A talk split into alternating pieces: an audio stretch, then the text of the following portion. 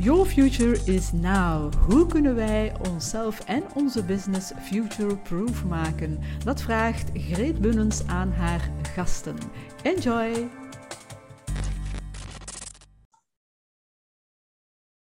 Goedemiddag, lieven. Goedemiddag, dag Greet. Hallo. Heb jij er goesting in, in ons gesprek? Zeker, ik ben mentaal voorbereid. Ah, voilà, kijk. Meer, meer, moet dat, meer moet dat niet zijn, denk ik. Hè? Nee, inderdaad, inderdaad. Zoals bij elke aflevering uh, de laatste maanden van onze podcast, hè, de Your Future is Now podcast, met de bedoeling om eens te kijken naar de toekomst, naar vandaag en naar de toekomst en hoe kunnen we onszelf future-proof maken. Uh, starten we ook altijd met een, uh, een eerder ludieke vraag. Uh, ik zou zeggen, uh, ik ga met mijn vinger zo passeren en dan haal ik er een kaartje uit en dan moet je zeggen stop en dan... Stop. Voilà. Heb jij ooit iemands leven gered of is jouw leven ooit gered? Amai. Uh, ik dacht dat het ludieke vragen waren. maar Greet, op het moment dat ik stop zei, zet je toch nog een klein beetje verder gegaan. Ik denk dat je al wist dat je die ging uh, stellen. ja, maar jij kan niet zo rap stoppen. Hè. Dat is gelijk nee, een auto. Je hebt een remafstand. Hè. Nee, nee, nee. Uh, goh, ik, ik heb dat ooit in een gedicht geschreven. Dat ik, ik heb veel gedichten voor mijn vrouw geschreven. En um, een van de gedichten, daar, daar zeg ik op een bepaald moment... Ik weet niet meer exact hoe dat gaat, het gedicht van... Uh, jij hebt mij gered. Um, en omdat, uh, ja, als ik mijn vrouw heb leren kennen, ja, dat is, dat is zo'n fantastische vrouw. Dus sinds dan uh, is, hebben we toffe kinderen ook gekregen en zo. Dus dat is, uh, eigenlijk was ik voordien wel al gelukkig. Hè. Ik heb een zeer gelukkige jeugd gehad. En dan heb ik mijn vrouw leren, leren kennen als ik 17 was. En als we 19 waren, officieel dan een koppel. en dan getrouwd als ik 22 was en, en zij 23. Dus eigenlijk ja, echt op jonge leeftijd leren kennen. Maar ja, zij heeft mij bij wijze van spreken gered. Het is nogal zwaar uitgedrukt, want ik had eigenlijk al een mooie jeugd, maar uh, ik was gewoon heel content dat ik haar ben tegengekomen. Ja, dus was eigenlijk een beetje de high school sweetheart dan? Uh, eigenlijk, uh, dus het eerste jaar, de, ik zat een jaar te vroeg aan de lift, dus ik ah, was ja. maar 17 en mijn vrouw 18 en elkaar op dag 1 eigenlijk al leren kennen en vaak aan de praat gegaan, maar ondertussen nog niet echt samen. Uh, en, en dan uh, pas twee jaar later eigenlijk uh, ja. is de vonk definitief overgeslagen. Ja, inderdaad. Ja. Allee, dat en kan ja, ja. ja, en of dat ik andere mensen hun leven gered heb, ik weet het niet. Ik heb wel in mijn leven heel veel als gezondheidseconoom dan um, risicobatenanalyses gedaan, kostenbatenanalyses van geneesmiddelen, geadviseerd van welk geneesmiddel wel of niet een terugbetaling verdient. Ook boeken geschreven over hoe dat de gezondheidszorg beter kan georganiseerd worden, misschien onrechtstreeks door beter beleid dat daar soms op gevolgd is, dat ik misschien ja, toch een steen heb kunnen bijdragen om mensen te helpen. Maar niet rechtstreeks. Het is wel, niet dat ik, ja, ik heb niemand uit een rivier kunnen redden of zo, dat, dat niet. Nee. Nog niet, nog niet. Misschien in vorige levens of zo. Uh, ja, maar dat is het ook, ook vaak. En wat is gered worden? Eigenlijk geeft je nu twee voorbeelden. Enerzijds van ja, gered zijn uh, door iemand. Ja, moest je dan gered worden? Dat is dan de vraag. En dan het tweede is natuurlijk ook een belangrijke. Onrechtstreeks mensen ja, helpen, is dat dan redden? Maar soms, soms kan het ook een redding zijn. Hè? Dus als... Als mensen bijvoorbeeld in de put zitten, ik herinner mij dat voor mij bijvoorbeeld 2019, dat was een uh, nogal lastig jaar. En ik, ik zocht toen mijn vlucht uh, in uh, van die grappige filmpjes bekijken op YouTube. Hè, lachen is gezond en toevallig, hè, maar er is geen, geen toeval natuurlijk, um, had ik in dat jaar ook als goed voornemen, en ik heb dat dan verder gezet in, de, de in, in nu dit jaar ook weer, dat is elke dag luid op lachen. En uh, ja, in het begin, als, als ik dan zo'n dag niet gelachen had, dan moest ik wel iets zoeken. Zo. Maar die, die, die vlucht zoeken in die grappige filmpjes, dat, uh, dat had dan wel iets. Het is niet dat het zo zwaar in de put zat, hè, maar het was wel lastig uh, business-wise met, met mijn businesspartner destijds. En ja, dat, dat, dat hielp mij wel. En er was dan één persoon die ik uh, zeer specifiek volgde. En ik weet nog dat ik die ook een keer zo een, een, een, op YouTube zo'n berichtje stuurde. Zo van, man, you saved my life. Uh, mm -hmm. Dus het kan, het, het, kan ook in die kleine dingetjes zijn. Hè? Ja, ja, het, het is leuk dat je daarnet ook zei met dat andere voorbeeld. bijvoorbeeld dat, dat, ik mijn vrouw heb leren kennen. als je jong bent, je weet nog niet goed van wat, wat, wat gaat mijn leven naartoe gaan. Maar sinds dat ik haar echt leren kennen heb, was dat zo meer van, wat, gelijk wat er ook gebeurt als we elkaar hebben, komen we wel in orde. Dus dat is ook een soort van hou vast eigenlijk dat je, dat je daardoor hebt. Hè. Ja. En, eh, en, eh, en het andere voorbeeld uh, dat, dat, dat jij dan geeft, ja, dat is eigenlijk... Ik krijg soms ook soms die reacties, bijvoorbeeld met tegenwind, misschien gaan we het daar nog over hebben, uh, dat mensen dan u een bericht sturen van ah, dank u, dank u, want dankzij jullie bijdrage binnen tegenwind voel ik me toch terug beter, kan ik er weer tegen. Ja, dat is ook, ook een, bescheiden, ja, een bescheiden hulp aan die mensen dan toch, hè, denk ik, of steun. Ja. Ja, dat denk ik absoluut. Ik, ja, nee, ik krijg zelfs al die, uh, die berichten en mijn bereik is, uh, is belangrijk nog niet zo groot als, uh, als de mensen van Tegenwind, die trouwens ook nog op, op de podcast komen. Um, maar daar, is het, allee, daar gaat het hem ook wel. Ik heb inderdaad al verschillende keren een berichtje gekregen van uh, ja, hè, uh, chapeau en goed dat je er zijt voor ons en uh, doe zo verder. En, en, en, en allee, ja, dus op die manier, als we maar mensen kunnen, kunnen helpen op een of andere manier, is dat wel, is dat wel goed. Hè? Ja, sowieso. Elke steen in de rivier ja, kan een verschil maken. Ja, absoluut. Klopt. En um, het doet me eigenlijk wel aan denken aan verschillende dingen waar ik het met u graag over wil hebben. Maar met dat we het er nu zo over hebben, uh, een beetje dat leadership. Wat ik soms het gevoel heb, is dat mensen een, iemand zoeken vaak die, die, die, die ze zeggen, ja oké, die gaan we op een piedestal zetten of da, daar gaan we naar kijken, het, de leidersfiguur. En dan is het oef, uh, die gaat het voor ons oplossen of die gaat het voor ons gaan doen. Mm -hmm. en, en je ziet dat overal natuurlijk. Hè. Je ziet dat gewoon uh, je ziet dat in, in, in de klas, je ziet dat in, uh, in, in, in de, in de, bij de hobby's, je ziet dat op het werk, je ziet dat in de politiek enzovoort. Maar dat viel mij nu de laatste jaren ook wel extra op. Dat mensen zo precies, allez, sommige mensen dan hun, hun geloof ergens kwijt zijn in bepaalde leiders en dan zoeken ze toch wel een andere leider. Is ja, dat iets klopt. wat dat, u ook opvalt? Ja, zeker. zeker. Uiteraard, ten eerste, het is van alle tijden hè, dat, dat mensen ergens uh, iemand zoeken om zich aan uh, op te trekken of als, of als voorbeeld. Maar nu valt het wel op omdat uh, net voor de crisis ging het al niet zo goed met onze samenleving. Hè. Dus veel burn-out, veel depressie. Um, we zagen zelfs uh, in een rapport van het Federaal Planbureau dat de sociale cohesie aan het afbrokkelen was. Dus, en dan spreek ik van 2019. Mm-hmm. En dan kwam die crisis en dan zie je dat er uh, in de loop van de maanden, nog niet zozeer in die eerste golf, maar in de loop van de maanden nadien, uh, zeker vanaf uh, augustus, september 2020, er veel onzekerheid kwam, dat er twijfel kwam omtrent perspectief. Ehm, uh, en dan zag je dan in 2021, enerzijds kwam, er terug een soort van opflakkering. Ah ja, het vaccin is daar en, en dat gaat de weg naar de vrijheid zijn. Dat, veel mensen geloofden dat. Nadien bleek dat dan niet zo te zijn. Weer al nog een diepere duik uh, in zaken dat perspectief, nog meer onzekerheid.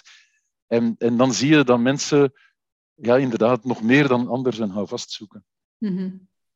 Ja, en ze zoeken die ook in, in, in, in figuren dan. Hè? Dus, uh, en dan vraag ik mij af, uh, is dat ook een, een, een, bij wijze van spreken, een probleem van de, van de tijd? Alleen van de tijd, van, van de mens misschien zelfs, dat we een beetje die zelfverantwoordelijkheid, als je dat zo mag noemen, dat dat lastig is om zelfverantwoordelijk te nemen en dat het gemakkelijker is om hier, neem jij de verantwoordelijkheid, ik zal wel volgen.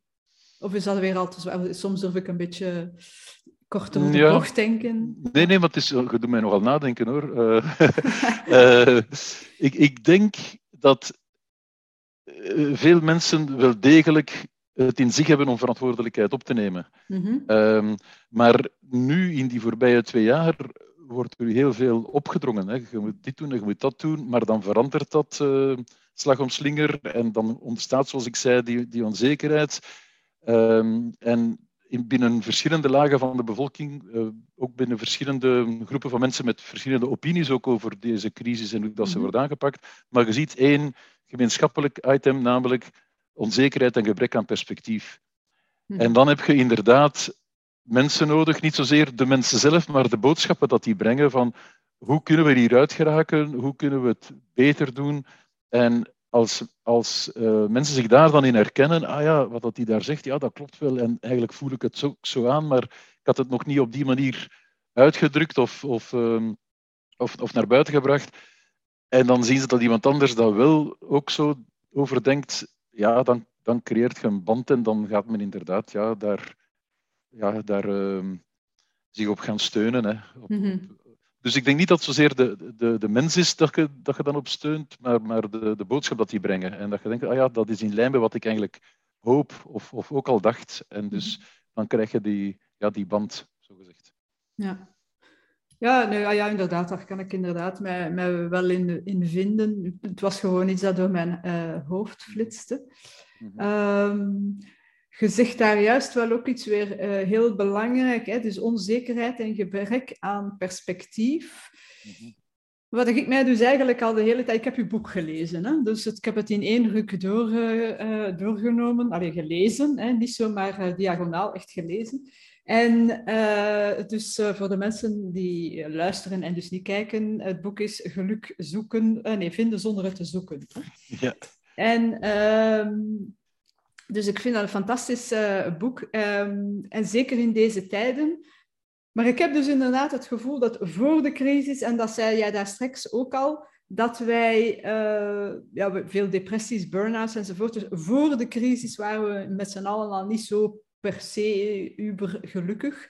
Mm -hmm. En uh, dan is die crisis er gekomen. En als je dan Matthias de Smet uh, beluistert, dan zegt hij van ja, die, die, dat gaat dan over het totalitaire regime onder andere. Maar hij zegt, en die massapsychose, dat, dat wordt mogelijk gemaakt als mensen ergens bepaald ongenoegen hebben, ongelukkig zijn. Hij heeft er dan verschillende termen voor en weet ik veel wat. Uh, maar dat zagen we, ze, dat zagen we. En dan op een bepaald moment hebben we de crisis die gestart is. En dan hadden we één ding waar we ons konden op richten, namelijk dat virus. Maar nu zijn we twee jaar later en dan zien we inderdaad dat gedurende die twee jaar uh, de onzekerheid is toegenomen van, ten opzichte van voor de crisis, terwijl dat al niet zo goed was. En dat perspectief lijkt nog, nog, nog onduidelijker dan ervoor. Ja. Kunnen wij dan uh, besluiten dat de mens er eigenlijk erger aan toe is dan voor de crisis, dat het ook al niet zo geweldig was? Goh, ja, um, en het toeval wil dat wij, al, we zijn al jaren bezig ook met geluksonderzoek. Hè. Dus ik, ik, doe al 25 jaar gezondheidseconomie, maar nog maar sinds 5, 6 jaar doe ik ook onderzoek naar geluk, naar -hmm. kwaliteit van leven van de mensen. Wat heeft de impact op een goede kwaliteit van leven en een goede samenleving? En um, toevallig waren wij in, in februari 2020 gestart met een nieuwe ronde van ons geluksonderzoek. En een van de vragen die je stelt, systematisch, eh, elke geluksonderzoeker doet dat, is de fameuze ladder van Cantril. Mm -hmm. Waarbij je dan de mensen een uh, vraag van, stel u een ladder voor met traptreden van 0 onderaan tot 10 bovenaan. 10 is het best mogelijke leven dat je kunt voorstellen en 0 is het slechtst mogelijke leven dat je kunt voorstellen. Waar ergens op die ladder bevindt uw leven zich vandaag de dag? En in februari 2020 was dat 6,7 op 10 gemiddeld. En dan zijn we natuurlijk, dan kwam de, de, de uitbraak van de, van de epidemie. Uh, we hebben natuurlijk de reflex gehad, we gaan verder gaan met ons geluksonderzoek, want we willen wel een keer zien wat dat, dat hier als impact heeft uh, op het geluk van de mensen. En in de eerste golf was er gemiddeld gezien geen impact. Dus met andere woorden, in, tijdens de eerste golf was er nog altijd lichtjes gedaald, maar nog altijd heel dicht bij 6,7 op 10 de, de standaarddeviatie was wel toegenomen. Met andere woorden, er waren een aantal mensen gelukkiger geworden. Het typisch voorbeeld, mensen die door de eerste lockdown een nieuwe hobby zijn gaan zoeken, zich uh, creatief zijn beginnen bezig te houden, uh, voor de rest weinig last hadden van die lockdown, dus geen inkomensverlies enzovoort. Maar anderzijds had je ook al een groep die ongelukkiger werd door inkomensverlies, uh, door op elkaar lip te moeten leven in een beperkte ruimte. Dus je zag daar in de eerste golf de evolutie in twee richtingen. Een deel die gelukkiger werd en een ander deel dat ongelukkiger werd. Maar gemiddeld gezien zag je niks be bewegen. Toen natuurlijk, dan zagen we dat uh, door die eerste lockdown er meer armoede kwam, meer angst, meer depressie, familiaal geweld, uh, ook bepaalde andere gezondheidsproblemen die onvoldoende werden aangepakt. Het, het schrik bleven de mensen thuis, in plaats van zich te laten verzorgen, enzovoort. En dan hadden wij al gewaarschuwd, opgelet bij een tweede golf niet opnieuw een lockdown, want dat gaat nefast zijn. En we hebben het toch gezien, dus er is toch een lockdown geweest uh, in uh, oktober 2020. En die tweede lockdown die was wel nefast. Daar hebben we echt significant groot grote daling gezien in ons gemiddeld geluk. Daar zijn ongeveer 700.000 ongelukkige Belgen bijgekomen. En, en 900.000 Belgen die voordien gelukkig waren, die niet meer gelukkig waren, die daar terug ergens tussenin hangen.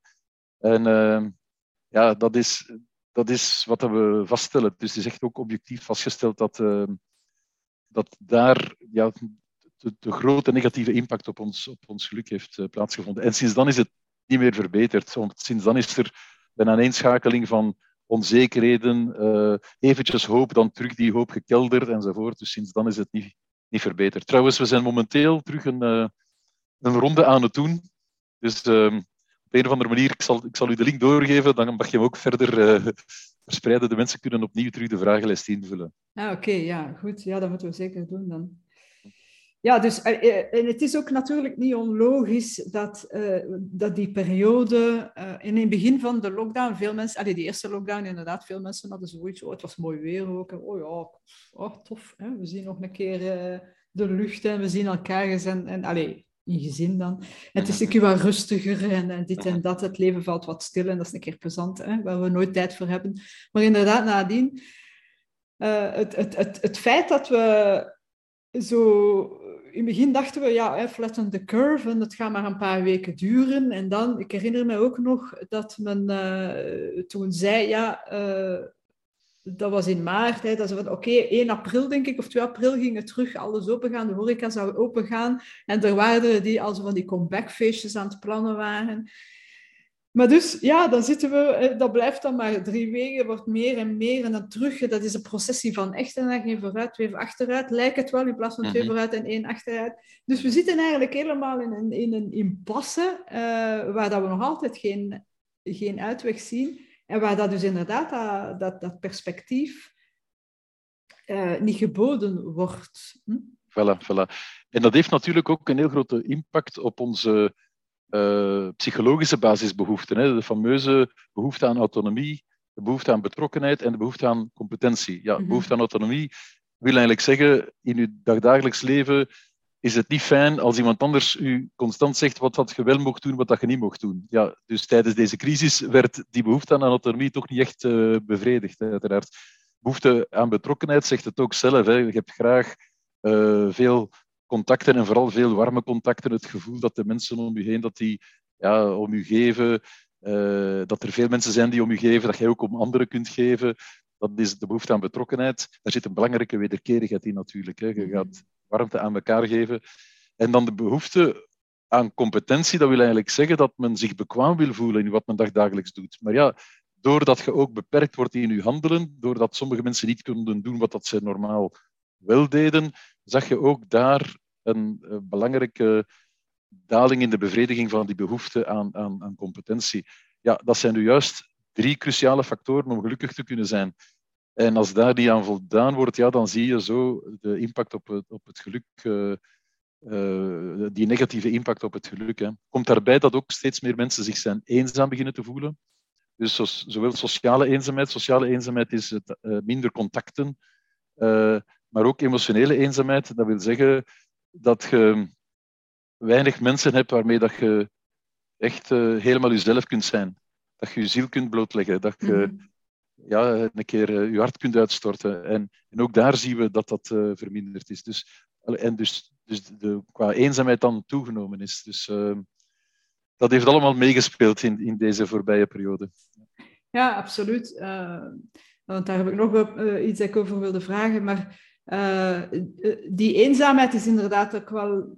En ik denk dat dat ook een van de, van de belangrijke boodschappen is die, die wij onder andere geven. Dat is van you're not alone. En, en, ik denk dat dat echt wel een belangrijke is, want je ziet wel, ik, ik was laatst naar zo'n netwerking uh, ding geweest van BNI, hè, de, hoe noemt dat weer, Business Networking en nog iets, BNI. En ja, ja. Ehm, ik, ik, uh, ik, ik, ik, voelde daar ook zo dat mensen zo zeiden, ja, zo achter mijn rug. Wij zijn dezelfde, wij zijn dezelfde. We mogen het niet zeggen aan de anderen. Ja, dus omdat ik mij inderdaad al, al gedurende toch bijna twee jaar dus nu uitspreek. En net zoals mijn papa, die jij ook kent. Wij spreken ons uit, de appel valt niet ver van de boom. Elk op onze eigen platformen.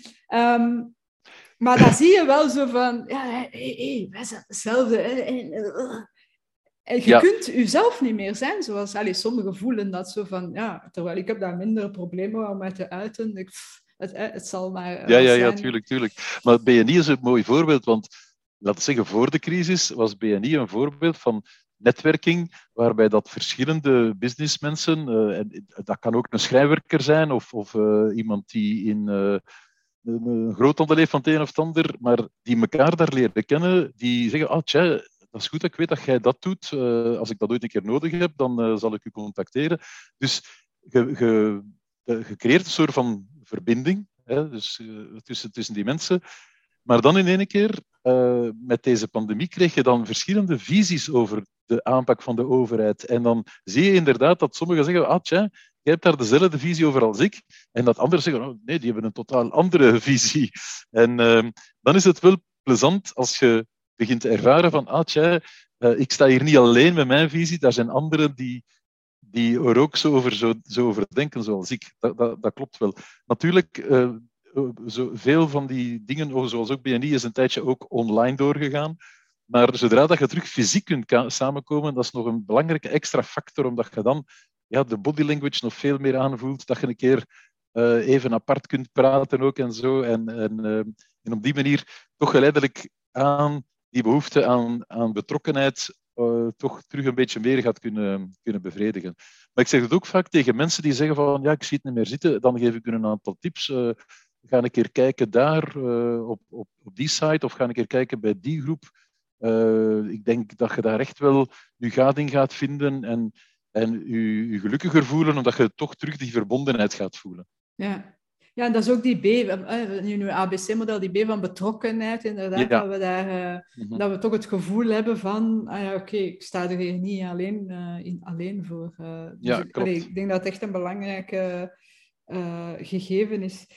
Uh, in, uw, in uw boek uh, heb je daar bijna helemaal op het einde heb je daar zo een, um, een soort van taartdiagram waar dat, uh, waar dat alles op staat. Uw ABC-model, dus uw ABC, dus autonomie en betrokkenheid en competentie staat. Maar daar staan er daar nog een aantal andere zaken ook op die echt van, van belang zijn. En dat is een beetje, denk ik, een samenvatting van het hele boek ook. Mhm, mhm. als ik nu dat boek aan het lezen was, dan, dan zat ik echt met verbazing te kijken naar wat men eigenlijk allemaal verkeerd gedaan heeft. En dat, ik laat natuurlijk in het midden of dat bewust of onbewust is. Ik ga ervan uit onbewust. Hè.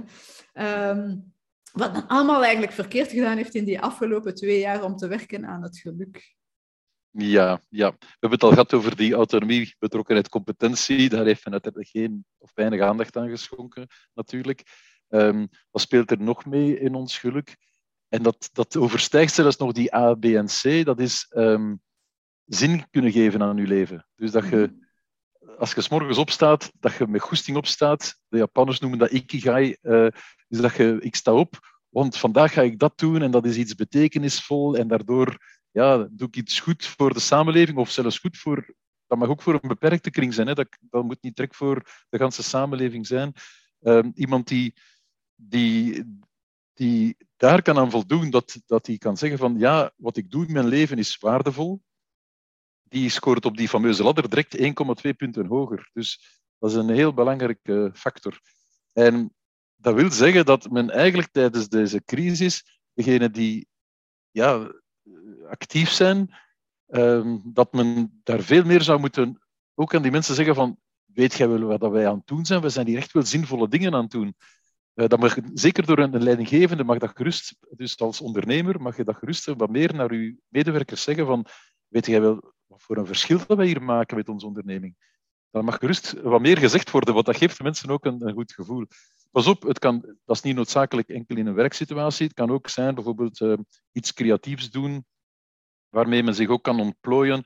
dat is ook al op zich uh, belangrijk om te kunnen zeggen, ik doe iets waardevols in mijn leven. Hè. En een tweede belangrijke factor is de fameuze uh, peace of mind. Dus tot rust komen. En daar zie ik gelukkig steeds meer mensen die mij zeggen van ik kijk niet meer naar het journaal hoor, of ik kijk niet meer naar die zogezegde duidingsprogramma's, want ik word daar maar ongelukkig van. En om duur worden elke dag op, opnieuw overspoeld met die informatie over, over dat virus. Uh, ik, stop ook, ik stop ook met uh, te veel te gaan opzoeken daarover. Uh, met andere woorden, ik zoek terug rust in mijn hoofd. En dat is zo belangrijk, van, van die rust te vinden in je hoofd. Uh, en ieder kan dat op zijn manier doen. Uh, sommigen doen dat via meditatie, anderen doen dat via mindfulness. Nog anderen gewoon door op tijd de telefoon af te zetten, geen screentime, maar gewoon rustig luisteren naar klassieke muziek. Dus je kunt dan niet zeggen, je moet dat zo of zo doen. Iedereen moet daar een beetje zijn ding in vinden, maar het, belangrijkste is, uh, geef je hoofd, uh, geef je brein voldoende rust. Dat is cruciaal.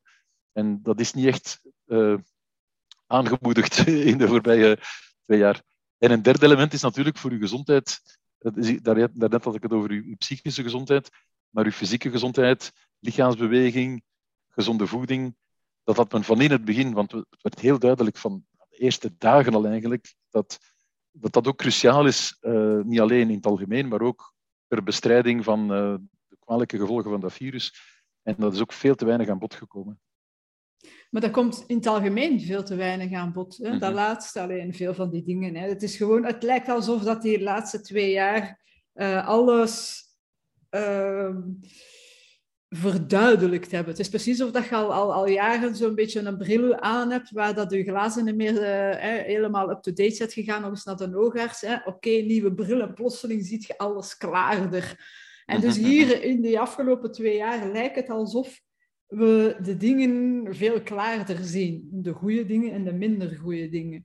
Maar het wordt echt naar voren geduwd zo. Ja, ja.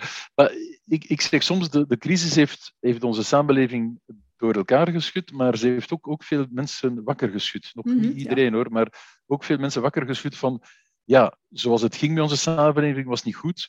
Zoals we het het voorbije anderhalf of meer jaar gedaan hebben, is het ook niet goed. We zien stijgende polarisatie enzovoort. Steeds nog altijd mensen met angst. Uh, het wordt hoog tijd dat we de knop omdraaien en, en dat we een positief verhaal beginnen te schrijven. Om, om naar een, ja, om onze samenleving te herstellen, ons sociaal weefsel te herstellen vanuit deze crisis, maar ook om naar een betere samenleving te gaan dan degene die we voordien hadden. Dus eigenlijk uh, zouden we de crisis moeten gebruiken als opportuniteit om te zeggen van oké, laten we nu werken aan een, aan een betere samenleving en laten we eens gaan kijken naar alle touwtjes waar dat we kunnen aan trekken om naar die betere samenleving te gaan. Ja, ja, eh, ik, ik, denk dat ook. Soms zeggen mensen dat ook. Ja, ik durf het haast niet te zeggen, maar ik vind dat er ook positieve punten zijn aan de crisis. Ik dacht, ja, gelukkig maar. Ik vind dat mhm. ook. Ja, absoluut vind ik dat ook. Dus onder andere door een aantal, allez, door, door een aantal wonden die er waren, ja, bloot te leggen, ja, kunnen we er ook aan werken en, en ervoor zorgen dat die verzorgd worden en dat we daar iets mee kunnen doen. Maar ook heel veel moois wordt, uh, ja. Uh, dat zo, uh, daar straks hadden we het over die, ja, die betrokkenheid en, en, en, en, dus die wederkerigheid en, en, en, en, en die, die, die band met mensen dat je, dat je bouwt. Ja. Ik vind ook, uh, en dat is, uh, er zijn meerdere mensen die me dat al gezegd hebben, dat in die afgelopen twee jaar, en dan vooral misschien mensen die, die, die wat meer um, het alternatieve uh, narratief opzoeken, om me dan een woord te geven, want ik moet daar altijd mee oppassen. Um, dat, als ik kijk naar de nieuwe vrienden die nu in mijn leven gekomen zijn, um, dat, die band is, is zoveel nauwer, zoveel, lijkt het toch, hè? we zullen zien op lange termijn, maar dat is zo precies alsof we elkaar al, al, al, een, heel, al, al een heel leven kennen. Ja. En dat is onmiddellijk boem. En, en, en, die klik is er, het is een veel nauwere band, waar dat je echt het gevoel hebt van, wow, ik denk dat dit wel eens vrienden voor het leven kunnen uh, worden. En van vrienden waar dat je van dacht, dat zijn vrienden voor het leven, hebben gezien dat, dat, toch, ja, dat, dat, er wat, ja, dat er een andere definitie van die vriendschap is ontstaan um, door verschillende redenen. Ja, dat klopt. Nu natuurlijk, ik heb het zelf ook ondervonden hoor. Ik heb ook mensen leren kennen die ik voordien niet kende en waarvan ik nu al kan zeggen dat dat soulmates zijn. Hè. Uh, en uh, dat zullen zeker uh, zeer goede vrienden blijven. Anderzijds zie je ook wel dat er vriendschappen zijn verloren gaan mm -hmm. bij veel mensen. ik heb daar nu geluk mee gehad, omdat blijkbaar ik op voorhand, mijn vrouw en ik op voorhand al, laten we zeggen, een, een vriendenkring hadden waarbij dat we ons nu nog altijd thuis voelen. Dus dat is wel, we hebben daar misschien chance mee gehad.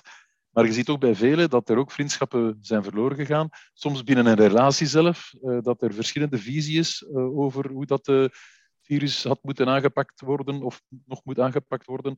Dus je ziet daar toch ook wel ja, barsten hè, in, in, in, in relaties. En dus dat wil zeggen, reden te meer om inderdaad een positief verhaal te schrijven waar dat we terug gaan kijken naar wat verbindt ons.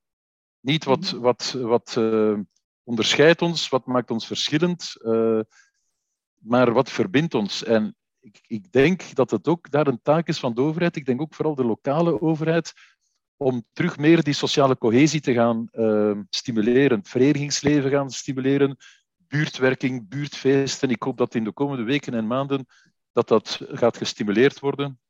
Je ziet daar trouwens ook grote verschillen tussen verschillende gemeentebesturen. Hoor.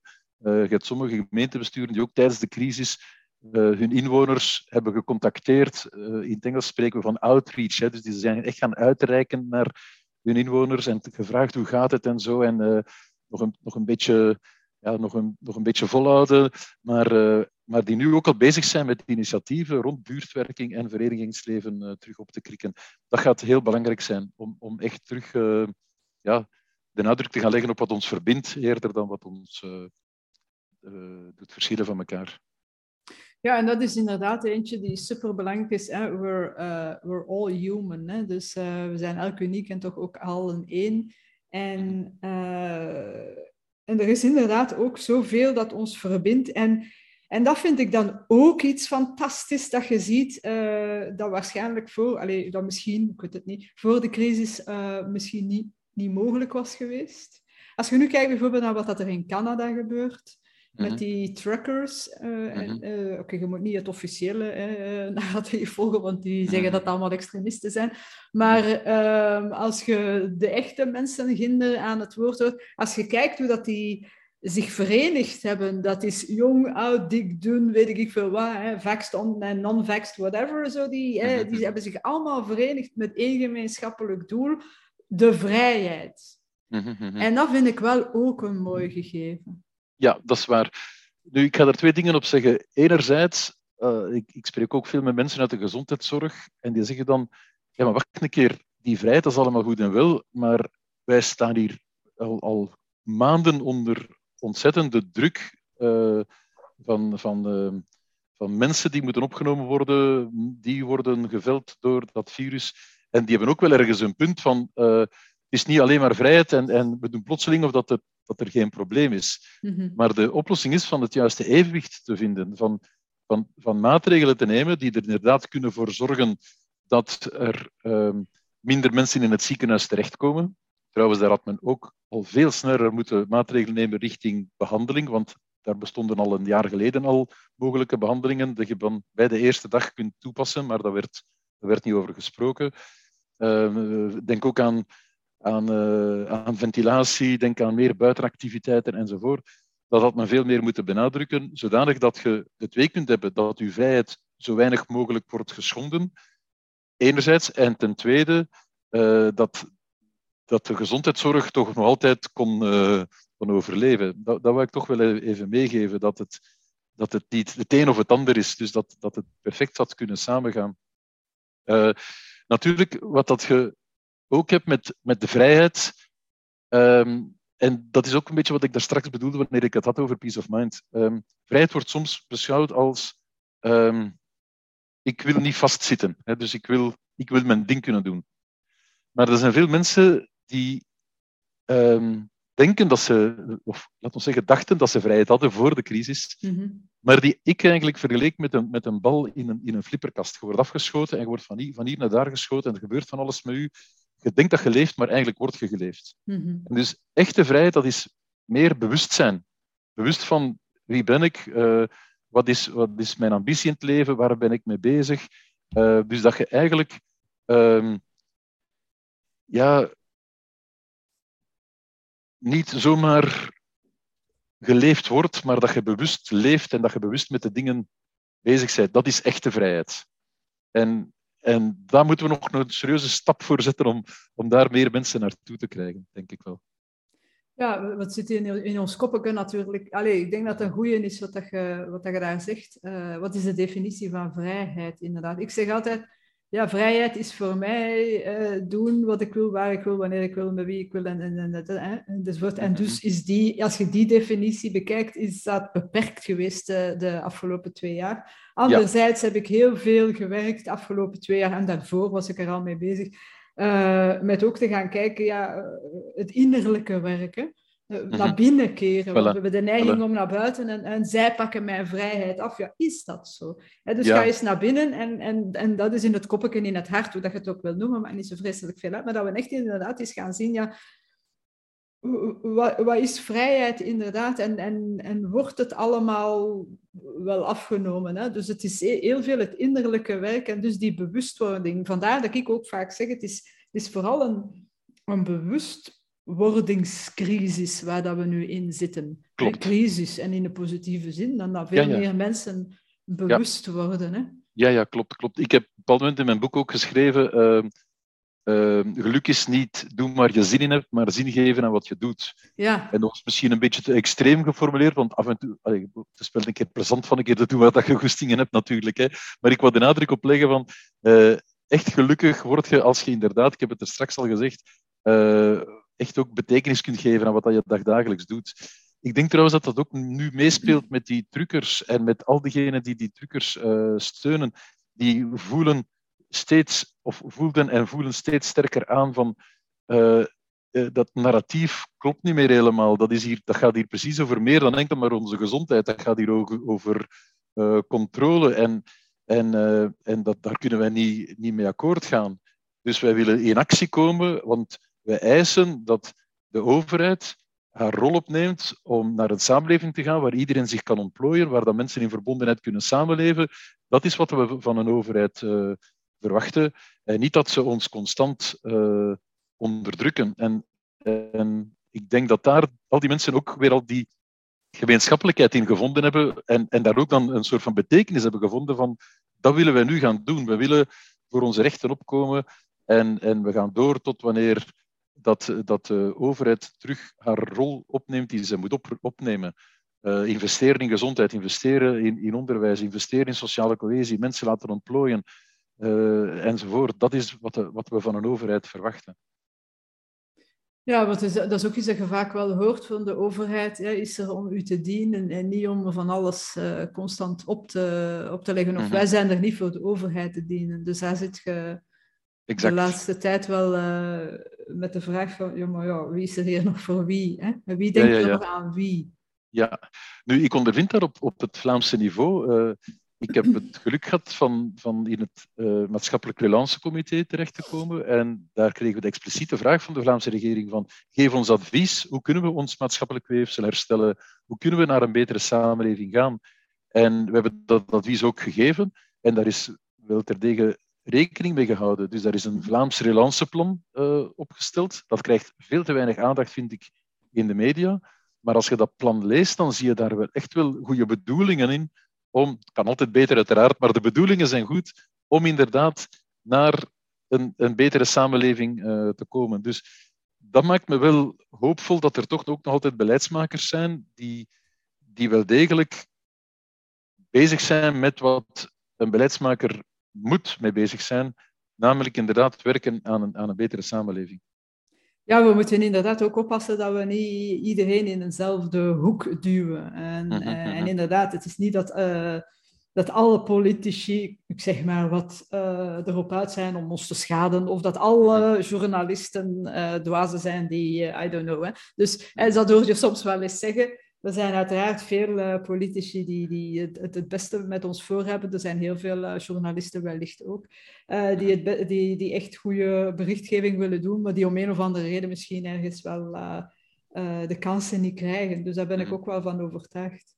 Zeg, en dat relance, want dat komt ook in je boek naar voren, hè, maar dus voor de mensen die luisteren en je boek nog niet gelezen hebben, ik vind dat wel een interessante, omdat mijn podcast ook heet Your Future is Now en hoe kunnen we onszelf future-proof maken. Maar als ik spreek over onszelf, dan klinkt het nog altijd vrij ikke, ikke, ikke. Hè? Dus, en het is natuurlijk samen dat we het gaan doen. Ik geloof dat dat ook een van de boodschappen in je boek is, dat we het samen dienen te doen. Um, wat, is, uh, wat, zijn zo de belangrijkste adviezen die, die jullie gegeven hebben aan, uh, aan dat comité en die wij uiteindelijk ook mogen verder trekken uh, naar, naar onszelf? Hè? Dus de mensen die luisteren, of dat nu ondernemers zijn of geen ondernemers, mensen in pensioen of whatever. Um, wat zijn ja. zo die adviezen? Uh, dus met het Relancecomité waren natuurlijk adviezen vooral naar de overheid uh, toe. Klopt. Terwijl in mijn boek heb ik enerzijds adviezen naar de overheid, maar anderzijds ook adviezen naar de mensen zelf. Hè? Naar Ja. de mensen zelf van wat kan je doen voor jezelf, wat kan je doen voor anderen. Mhm. Uh, naar de overheid hebben wij toch heel sterk de nadruk gelegd op uh, meer sociale rechtvaardigheid. Dus we hebben benadrukt dat een samenleving waar dat er veel mensen nog altijd in armoede leven, de technische term is eigenlijk materiële deprivatie, dus dat men eigenlijk in ontbering leeft en dat men niet weet wat volgende maand gaat brengen. Dat aantal is trouwens toegenomen tijdens de crisis. Ja, een, een samenleving die naamwaardig, daar, daar, moeten we, daar moet iets gedaan worden aan die, aan die materiële ontbering. Uh, in een ideale wereld zijn er geen mensen die in materiële ontbering leven. Dat was een heel belangrijke. Verder hebben we ook uh, de nadruk gelegd op wat we noemen levenslang leren. Dus dat wil zeggen, uh, meer investeren in onderwijs, maar meer investeren in de mogelijkheid om gans uw leven eigenlijk dingen bij te leren. Dat is ook cruciaal, voor, zowel voor de personen zelf, voor de burgers zelf, als voor de samenleving in haar geheel. Dat er meer talenten worden ontwikkeld en, en ontbolsterd. We hebben ook heel sterk de nadruk gelegd op uh, meer investeren in gezondheid, maar dan vooral de preventieve gezondheid, waar dat we uh, daar straks ook al uh, over gehad hebben.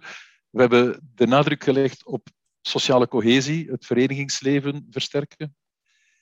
We hebben uiteraard ook uh, het digitale besproken. Dat hebben wij nu vandaag nog niet besproken, maar de evolutie naar een samenleving die aan het digitaliseren is. Maar daar hebben we wars waarschuwde vinger op gestoken. We hebben op een bepaald moment in het rapport gezegd van opgelet, uh, gans die digi digitale evolutie, die moet dienen om ons een beter leven te laten leiden, maar we mogen niet ons leven laten leiden door het digitale. Dat is een heel belangrijk verschil. Want als we ons leven gaan laten leiden door het digitale, dan gaan we allemaal juist gaan afstompen en dan gaan we uh, ook naar een maatschappij gaan waar dat, dat digitale begint te overheersen, met alle kwalijke gevolgen van dien. Dus uh, dat is nu het eerste dat in mij op de eerste dingen, dat, we hebben nog veel verteld hoor, maar dat zijn de belangrijkste dingen die in mij ja. opkomen. Ja. ja. Maar, uh, het betreffende de digitalisatie, uh, wat aan mij daar wat zorgen baart, um, is die metaverse. Ik weet niet in hoeverre dat je daar uh, al in, in gedoken bent. Dus we hebben, en, en, en dat is natuurlijk helemaal ook door te trekken naar, naar wat, wat dat onder andere in je boek staat en hetgeen dat je al een hele tijd doet. Mhm. Je hebt daar straks gezegd van uzelf zijn is een van de belangrijke. De kans hebben om uzelf te zij, zijn en u mogen laten zien en horen en, en, en, zoals je zijt. Hè? Mhm. Dat is niet, niet echt gemakkelijk natuurlijk, maar in een, in, in een wereld, de digitale, digitale wereld, hebben we meer en meer, lijkt het op mij, van, mij, allez, van mijn kant bekeken, dat het allemaal meer en meer fake wordt en dat we minder en minder onszelf kunnen zijn. En ja. dan nu helemaal, wanneer dat we kijken naar de metaverse, waarin Facebook de naam dus veranderd heeft naar Meta, moet, moet kunnen, en waarin dus we binnenkort uh, de kans gaan krijgen om in een hele virtuele fake wereld te gaan leven. Dus daar waar als je zegt van ja, ik zie er niet uit, ik, zie, hè, ik, ik, ben lelijk en ik ben arm en ik heb, uh, weet ik van wat, ik heb geen lief, dan kun je je helemaal inplotten in de metaverse en daar dan de, de handsome dude gaan uithangen waar dat de vrouwen uh, aan, uw, aan uw voeten liggen. En meer nog, wat dat we ook zien in die metaverse, is dat er ook winkels zijn en dat er concerten zijn, dat je daar gaat kunnen betalen enzovoort. Dus men is eigenlijk een hele matrix, hè, de matrix in de matrix, aan het organiseren in die in die metaverse. Wat is bij u het, uh, het gevoel dat bij u opkomt als je, als je denkt aan die metaverse? Wel, een beetje in lijn met wat ik daarnet zei over, over digitalisering. Je zou het eigenlijk kunnen uh, vertalen naar technologie in het algemeen. Uh, wanneer, wanneer technologie de overhand haalt, dan, dan leidt dat tot een dehumanisering. Dus dan zijn we geen mensen meer. Pas op, technologie is belangrijk. Hè? Mm-hmm. ja, ja. Uh, um, ik, ik heb myopie, dus ik ben blij dat ik ofwel lenzen kan dragen of een bril. En lenzen is ook een vorm van technologie, uiteraard. Ja. Maar zolang dat technologie ten dienste staat van, zodra dat de technologie leidt tot ofwel een dehumanisering, ofwel een soort van transhumanisme van beter worden dan, dan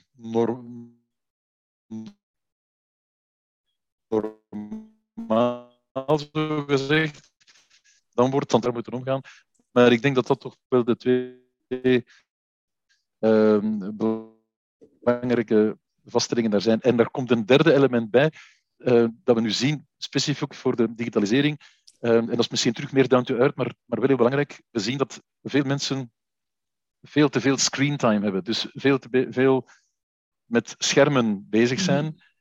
En elk uur dat je daaraan besteedt, is een uur dat je niet kunt besteden aan dingen die u echt wel gelukkig maken. Zoals creatieve activiteiten, zoals uh, activiteiten doorbrengen in de natuur, zoals activiteiten doorbrengen met andere mensen, uh, andere mensen helpen enzovoort. Dat zijn activiteiten die u echt gelukkig maken, omdat ze uh, rust brengen in uw hoofd, omdat ze u doen ontplooien. Hè, dus tijd doorbrengen in de natuur brengt rust in het hoofd. Creativiteiten, creatieve activiteiten helpen u om u te ontplooien. En dingen doen met anderen helpen dan om die verbondenheid te stimuleren. Dat zijn dat zijn tijdsbestedingen waarvan significant is aangetoond dat het ons gelukkiger maakt. Maar dus elke uur dat we daar niet mee doorbrengen, ja, is een gemiste kans. Ja, en dan is natuurlijk in, de, in deze uh, crisis natuurlijk allemaal nog wat erger geworden. Ook als we kijken naar, gewoon naar, de, naar, onze, naar de jeugd, naar de kinderen. Mhm. Die ja, hebben vanuit, uh, van thuis uit school moeten volgen, omdat we dan niet naar de klasse mochten en, en, en, en dergelijke. Dus de screen time is, uh, is ontzettend uh, toegenomen. Mm. Mhm.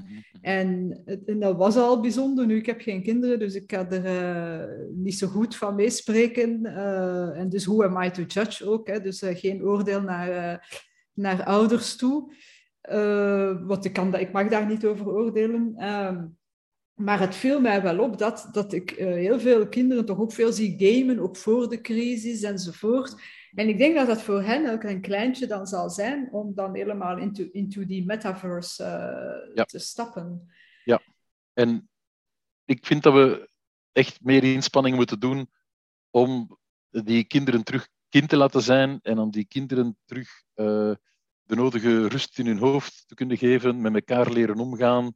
Uh, um, zinvolle creatieve activiteiten meer laten doen enzovoort. Want um, anders krijg je inderdaad een, een, eh, een, een, vermindering van het echt mens zijn. Mensen zijn zoals mens zijn zou, zou moeten zijn. Uh, misschien klink ik daar conservatief in, maar ik, ik, ik weet uit onderzoek dat we gedaan hebben dat dat echt allemaal de essentie is van, van gelukkig te kunnen zijn. Ja. Uh, en, um, en dus moeten we daar, daar terug uh, opnieuw meer aan werken. Ik zie veel goede initiatieven ook hoor, want eh, als we. Uh, je weet, wie heeft het ooit gezegd? Uh, pessimisten zien alleen maar problemen en optimisten zien oplossingen. Dus we moeten naar de oplossingen gaan kijken natuurlijk. Hè. En volgens mij zijn er wel degelijk oplossingen. En in, naar, in de scholen zien we prachtige initiatieven. Je hebt bijvoorbeeld het initiatief Warme School. En Warme Scholen, dat zijn, die hebben dus een label gekregen, Warme School, omdat ze uh, zich volop inzetten om de talenten van elk kind te laten ontbolsteren. daar spreken we niet van sterke leerlingen en zwakke leerlingen, want elke leerling heeft wel een of ander talent dat we zo snel mogelijk willen ontdekken en dat, en dat mee laten ontbolsteren. Die leggen ook heel veel nadruk op het, uh, het delen van emoties. Dus dat kinderen elkaars emoties begrijpen. En ook, dus eigenlijk, we spreken daar van twee elementen. Uh, emotionele regulatie, namelijk uw eigen emoties kunnen reguleren, maar ook emotionele resonantie, dus eigenlijk de emoties van anderen ook, ook begrijpen. Dat kan je trainen van kind af aan, Mhm. enzovoort. We zien in sommige scholen dat er al meditatiesessies doorgaan, met succes. Dus ik zie ook veel positieve be- dingen bewegen, hoor. Maar dat zou meer aandacht mogen krijgen en, en nog op bredere schaal eh, toegepast mogen worden. Ja, wat, wat dat brengt ons ook eigenlijk. eh, by the way, als je zegt van we, eh, kinderen mogen terug kind zijn, ik vind het soms ook leuk om als volwassene terug kind te mogen zijn. En dat is ja. iets dat we natuurlijk ons eigen aan doen. Ik had als ik met mijn goede voornemens, ik heb meestal niet zo het goede voornemen, ik ga meer sporten, maar dan in 2021 had ik gezegd, ik ga terug in de bomen klimmen. Ik vond dat als kind heel erg leuk en ik heb dat ook wel een paar keer gedaan in 2021. Zo terug dat kind zijn, zo. Ja, ja. Is, Wij- eh, Wij spelen geregeld is verstopperke. Dus moet kunnen, moet kunnen. Ja, maar dat is toch... Ja, dat is... eh, hoe, hoe zot is dat? En voilà, kijk zo. een bekentenis, sorry. Ja. ja, ja, ja, ja, voilà. Ja, zo. ik had het daar straks over lachen gehad. Eh, je, kunt zo, je kunt aan alle dingen denken. Hè. Dus eh, gelukkig zijn heeft te maken met autonomie. En elkaar de autonomie gunnen, uiteraard. Met betrokkenheid, warmte tonen naar elkaar, vriendelijkheid. Met bekwaamheid, dus ook de anderen zich bekwaam laten voelen. Met zich nuttig maken, met peace of mind. Maar plezier maken is er ook bij. Ik heb dat in mijn boek eh, consequentieplezier genoemd. Dus met, andere woorden, als je aan al die dingen kunt voldoen en daarbovenop nog een keer eh, humor ontwikkelt en, en plezier maakt, ja, dan heb je eigenlijk nog de, de kers op de taart, zo gezegd. Hè. Dus zoals dat jij zegt, lachen is, is, is een eerst, eerste vooral een heel goedkope manier om er goed uit te zien, eh, lachen. En, en ten tweede is daar ook vrij veel onderzoek naar gebeurd, dat dat ook echt wel goed is, zelfs voor de immuniteit en zo, hè, voor, voor, eh, Ja. voor een sterkere gezondheid te krijgen. Ja. ja, dus inderdaad, hè, zeker en vast eh, lachen. Ehm, Maar je was daar inderdaad juist bezig over hè, heel veel eh goede initiatieven die, die bezig zijn. Ehm, Waar dat we inderdaad ook wel van, vanaf mogen, denk ik, is dat we, dat we, dat we altijd blijven op, die, op het negatieve inzoomen. En dan, en dan heb ik het ook vaak over, eh, over wat dat er in de media en dergelijke gezegd wordt. Natuurlijk angst en, eh, en pijn, dat verkoopt. Hè. Ik heb, eh, ben gespecialiseerd in, in marketing en branding. En dus eh, de boodschappen waar dat de pijn wordt benadrukt. Oh, ik moet dat kopen enzovoort. Ja, dat, dat werkt natuurlijk wel. Maar mijn vraag is dan inderdaad... Allee, dus dat werkt op korte termijn heel vaak. Van oei, ik heb ergens pijn. Hè? Dus aspirine bijvoorbeeld. Hè? Ik vergelijk het altijd met aspirine en vitamine. Als ik de uitleg geef aan mijn klanten over uh, in marketing berichten, wat verkoopt er het beste? Bij een aspirine, we hebben hoofdpijn en we willen van die hoofdpijn vanaf, dus eh, laat ons maar snel een aspirine nemen. Terwijl de vitamine, ja, iedereen weet dat dat eigenlijk goed is, Allee, afhankelijk van de welke natuurlijk, maar goed, hè, we weten dat we dat eigenlijk zouden moeten nemen, maar ja, toen niet zozeer, dus pff, dat is zo'n nice to have. Maar als pijn doet, doet het pijn. Dus hebben we dat in, in marketing en we hebben dat nu in... Uh, uh, allee, in, de, in, in de media ook, hè, want uh, marketing in de media noem ik propaganda. Hè. Dat is even zwart-wit gezegd, maar dat is nu eenmaal zo. Dus wordt het niet, niet eens dringend tijd dat we inderdaad ook... Ik denk, dat is een retorische vraag natuurlijk, dat we wat meer andere dingen gaan belichten dan altijd één, dat, dat, dat corona-vaccin-toestand, dat is één ding, maar ook eens naar die positieve dingen gaan kijken... Dus ik denk dat dat niet echt een vraag is. Maar het tweede wat ik wel dan uh, eraan wilde koppelen was... Uh, ik heb het daar straks gezegd en jij met, als gezondheidseconoom. We weten dat het duurzamer is door te werken natuurlijk aan de preventie. Wat maakt volgens u dat er nu zo weinig aandacht al heel ons leven gaat naar die preventie en veel meer naar uh, de cure, hè? dus het, het, het, oplossen van de pijnen. Is dat het, het verhaal ja, van, uh, de, van de vitamine en de, en de ja, aspirine? Ja, nu, uh, wat dat zal meegespeeld hebben, is dat wij, uh, als ik dan kijk naar onze gezondheidszorg, traditioneel hebben wij een gezondheidszorg die het wat betreft uh, kwaliteit van het curatieve uh, zeker niet slecht is ten opzichte van verschillende andere landen. Hè. Dus -hmm. uh, onze, onze artsen worden op dat vlak, op dat vlak goed opgeleid.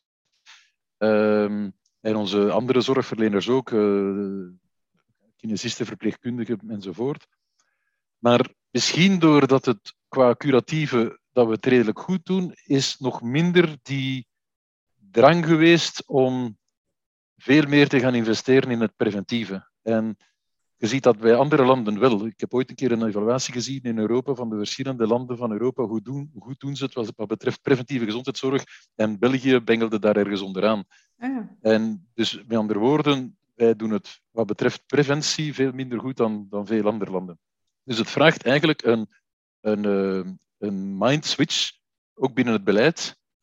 En daar zijn al een aantal positieve evoluties aan de gang hoor. Op een bepaald moment heeft een van de ministers van Gezondheid gezegd: ja, maar wacht eens mensen, gezondheid dat is een verantwoordelijkheid van alle beleidsdomeinen. Met andere woorden, de minister van Onderwijs die moet van gezondheid en het gezond houden van kinderen een prioriteit maken binnen de scholen. De minister van Werk die moet de werkgevers veel meer aanzetten richting het stimuleren van werkbaar werk, van kwaliteit van leven op de werkvloer. Mm binnen de vrije tijdsclubs uh, moet daar ook meer aandacht gaan, gelijk wat dat het onderwerp is van uw vrije tijdsactiviteit, naar uh, gezondheid. Dus men noemde dat toen health is in all policies. Hè. Dus gezondheid is een verantwoordelijkheid van alle beleidsdomeinen. Mm Maar dat zou niet alleen uh, bij mooie woorden moeten blijven, maar zou dan echt moeten geconcretiseerd worden met objectieven, waar dat bijvoorbeeld een, een werkgever, als die voor bepaalde subsidies in, in aanmerking komt, dat hij ook moet kunnen tonen dat, uh, dat er binnen dat bedrijf echt wel gewerkt wordt aan de gezondheid van de mensen. En die mhm. moet dat kunnen aantonen, niet met een formulier in te vullen, waar je vakjes moet aanklikken van, ah ja, we, doen dit en dat en dat, dus het is in orde, maar waar dat er echt oprecht met de gezondheid van de mensen, uh, dat men daarmee bezig is. Dat is nu maar één voorbeeld. Maar ik denk dat dat, dat kan een verandering teweeg brengen. Die, die concretisering van gezondheid is een verantwoordelijkheid van, van alle beleidsdomeinen. Dat zou echt wel een verandering kunnen brengen.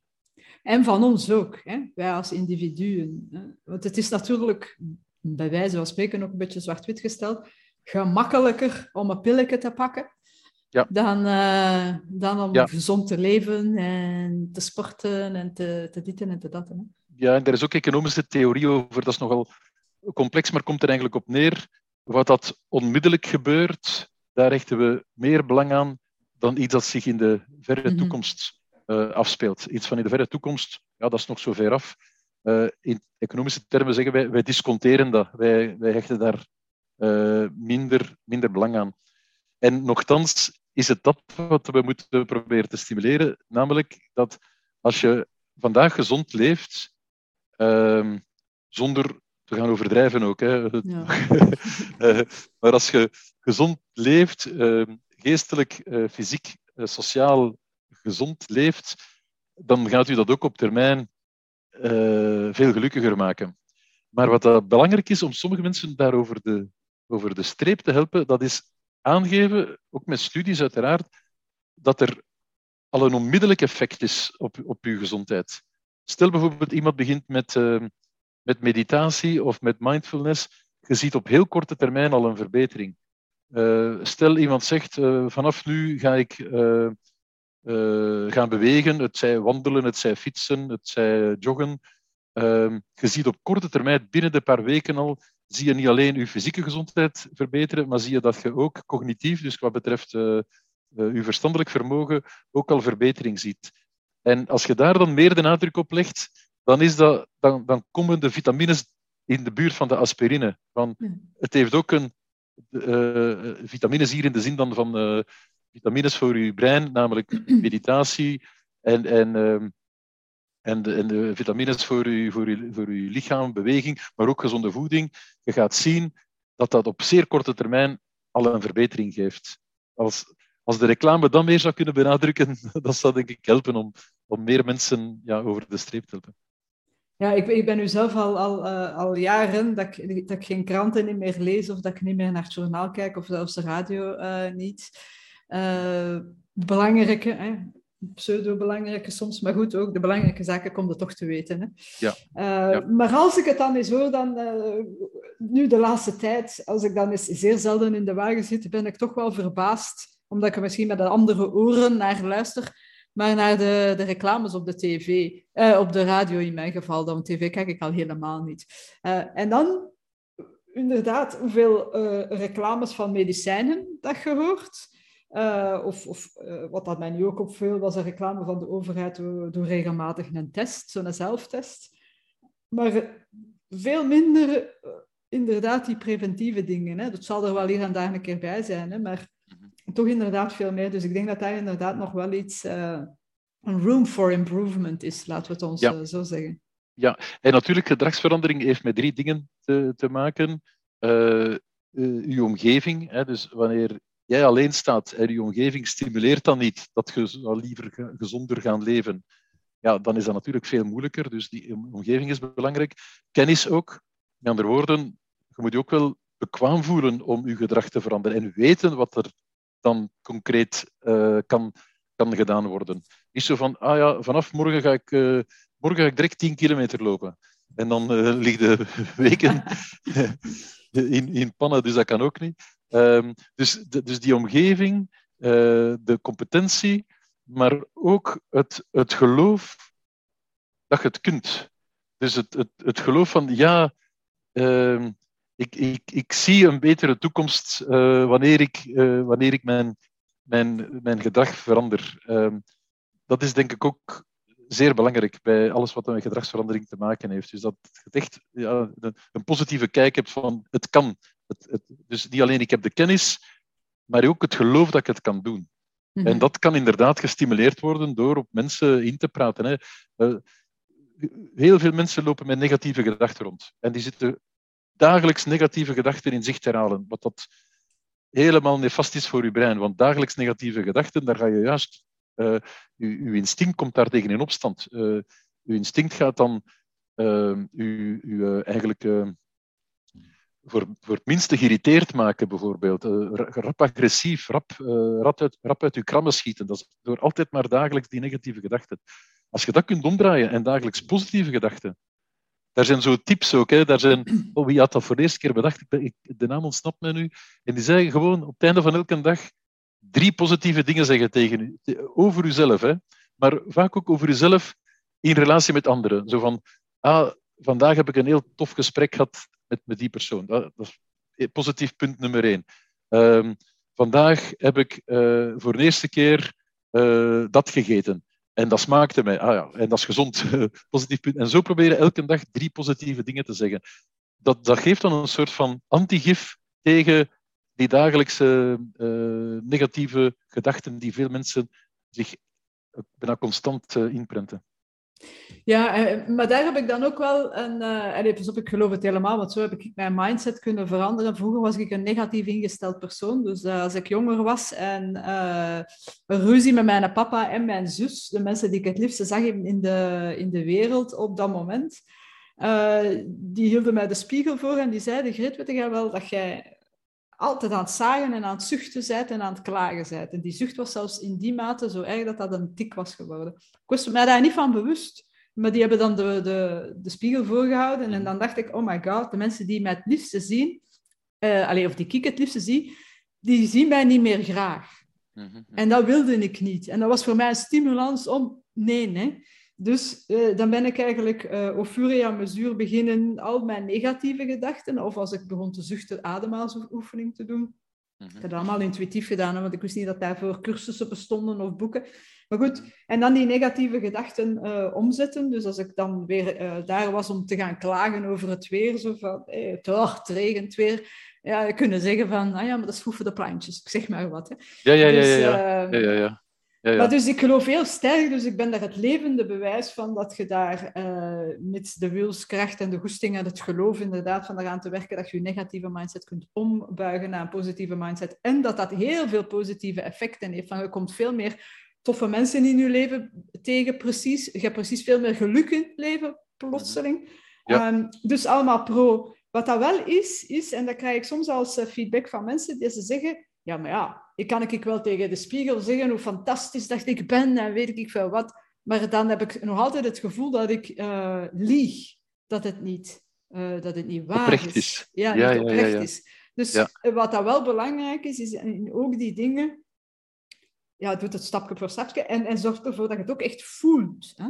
Dus als je ergens dankbaar voor bent, voel die dankbaarheid. Als je ergens inderdaad positief over zei, uh, bijvoorbeeld het gesprek, ja, dat was een fantastisch gesprek. Voel dat dat echt een fijn gesprek was. En niet zomaar oppervlakkig. Ah ja, ja, hè, uh, lieve Annemas heeft gezegd dat ik drie dingen moet zeggen. Zo, of ik zal dat hier gaan doen en boeven ze ervan af. zo gaat het niet werken. Hè? nee, nee, nee. Het heeft vaak met perceptie... Je moet je eigen niks wijsmaken ook. Het heeft gewoon met perceptie te maken. Hè. Dat voorbeeld dat jij daarnet gaf, uh, ik kan zo een ander voorbeeld geven van... Uh, in de herfst, uh, de bladeren vallen van de bomen, die vallen op je terras. En dan kun je twee dingen zeggen. Ofwel van, godverder, ziet dat terras er nu bij liggen, zeg je dat, dat trekt op niks. Of, amai, zoveel kleuren dat je hebt in de, in de herfst uh, en zoveel kleuren dat mijn terras nu heeft. Dat zijn gewoon twee andere, andere manieren om er naar te kijken. Dus twee verschillende manieren van perceptie. En die tweede is geen kunstmatige, nee, integendeel. Die tweede is, is eigenlijk dichter bij de, bij de natuurlijke realiteit.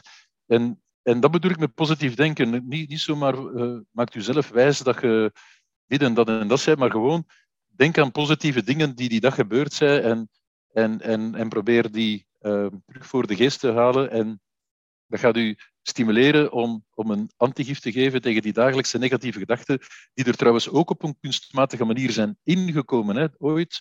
Uh, hoe komt dat?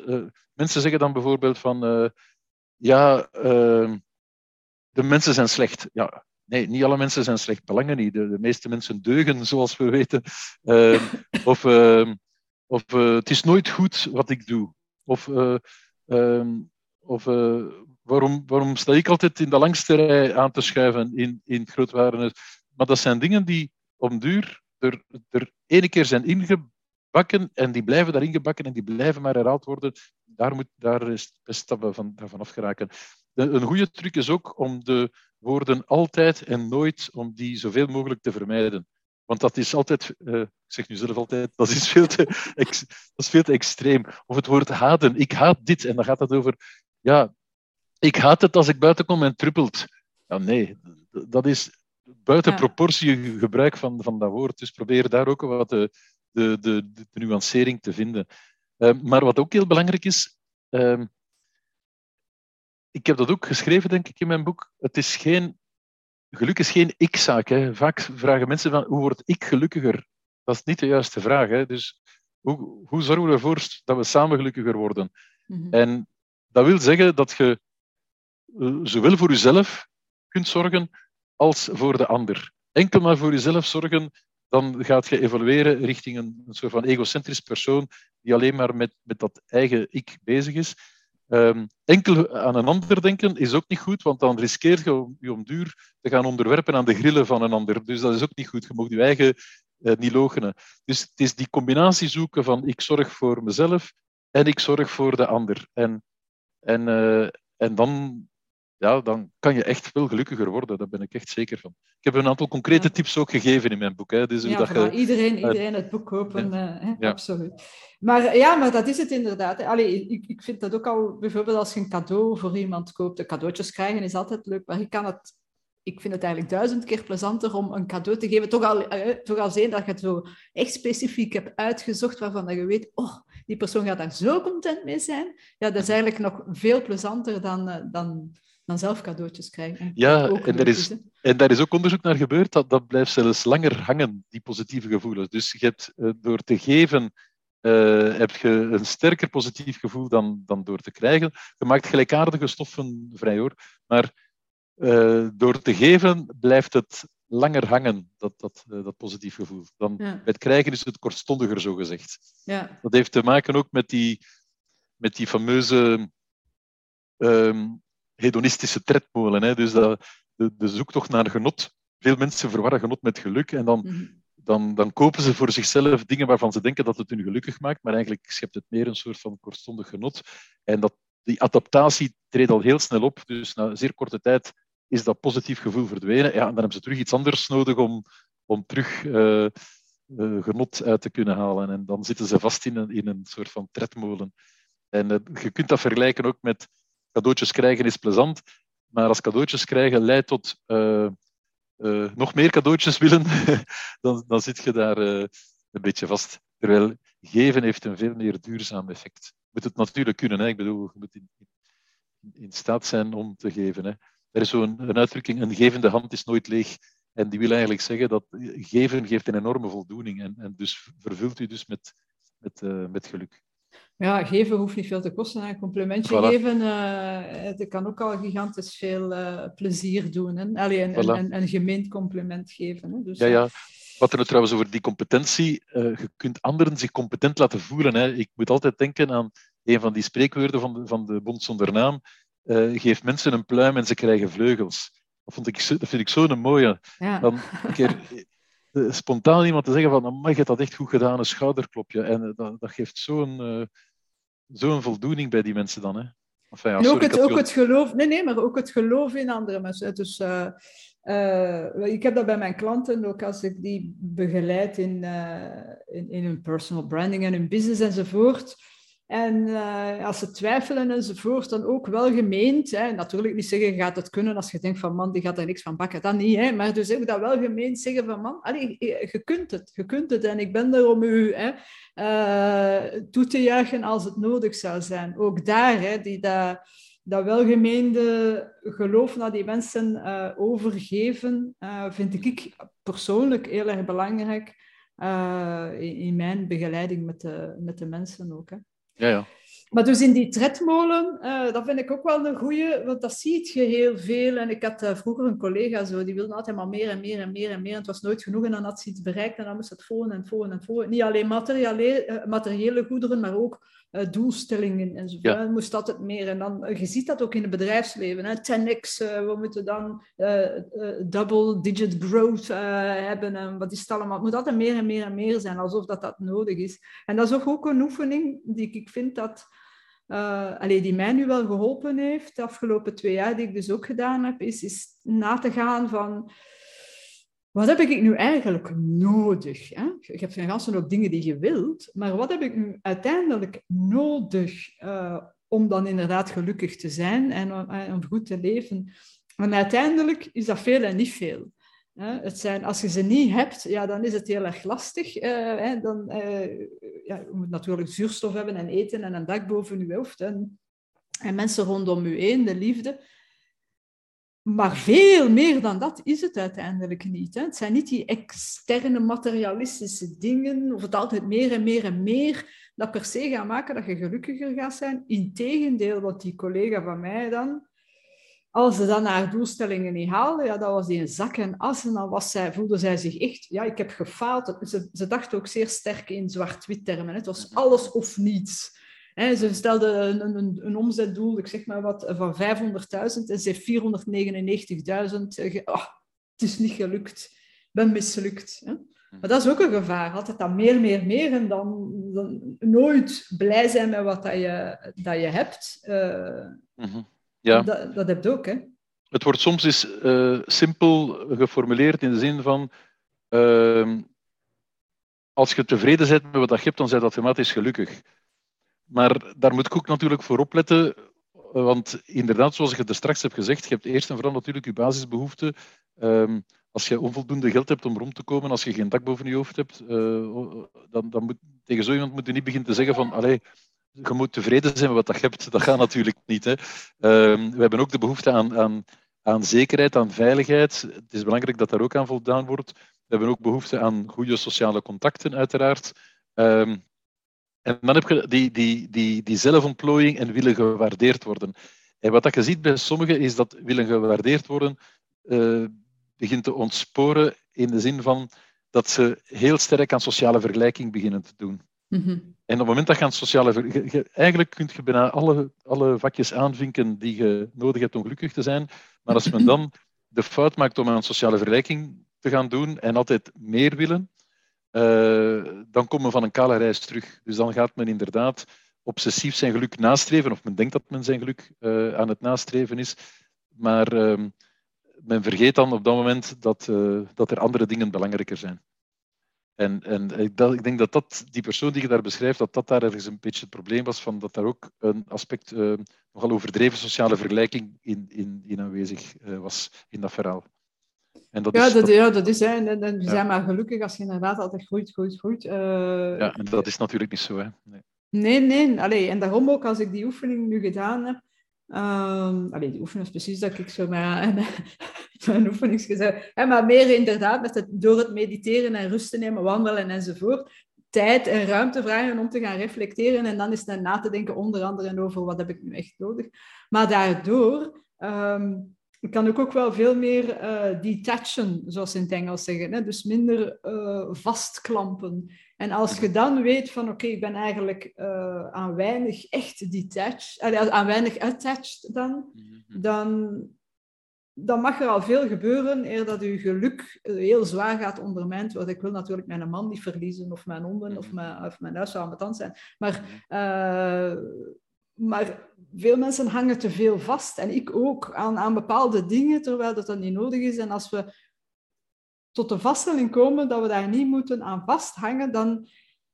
Allee, voor mij gaat dat het gevoel van meer, oef, oké, stel nu dat de, de regering zotte dingen begint te doen, of China komt af, of whatever, zo van, mhm. I, I, am attached to nothing. Uh, Wayne Dyer zei dat, be open to everything and attached to nothing. Nothing mhm. is nu misschien veel gezegd, maar mhm. meer en meer begin ik wel in te zien dat er niet zo heel veel zaken die echt, uh, waar ik zo zwaar aan attached ben. Dus mochten ze wegvallen, niet dat dat plezier doet, in tegendeel, I'm ready, laten we het zo zeggen. Ja. Allee, we zullen zien of ik dan ready ben, hè, maar... Uh... Ja, ja, tuurlijk, tuurlijk. Uh, en, en het is ergens de, de, de, de, juiste ehm, evenwicht vinden, uiteraard, daarin. hè. Mhm. Uh, het is, het is heel moeilijk om helemaal detached te zijn. Er zijn voorbeelden hè, van, heel, van mensen die helemaal detached zijn en, en, zeer, en, en, en daardoor zeer gelukkig zijn. Maar ja, ik zou dat niet kunnen, omdat ik ook vind dat ik een, een, ehm, een bepaalde missie heb uh, in de samenleving waar ik wel aan attached ben. Dus ik wil, ik wil proberen de, de samenleving te verbeteren. Dus daar ben ik wel mee bezig. Dat is, dat is mijn manier om mij te ontplooien en, en, en mij nuttig te maken voor anderen. Mm -hmm. dat zou ik erg vinden als ik mij daarvan zou gaan detachen, als je ziet wat ik bedoel. Ja, maar ik denk dat het misschien ook meer te maken heeft met het... Uh, uh met het, uh, het materiële. Hè. Ik ben ja, ook, jij bent exact. ook uh, attached aan uw, aan uw gezin en, en aan uw kinderen. Ja. En, uh, ja. maar, maar inderdaad, het materiële vooral. Hè. Stel dat okay. ze u morgen ergens droppen in de middle of nowhere, zeg maar wat China, en je hebt niks behalve je kostuum aan, bij wijze van spreken, en je hebt geen mm -hmm. telefoon of niks Eén, ik denk wel dat je... En, en, en, u, en, en er is niks rond u. Je gaat wel ergens uw weg vinden en uw missie kunnen waarmaken. Stel dat je mm -hmm. niet meer uit China weg mocht. Hè. Uh, je gaat uw, uw, uw, missie wel ergens proberen waar te maken. Hè. Ja, ja. Als dat ja. echt uw missie is.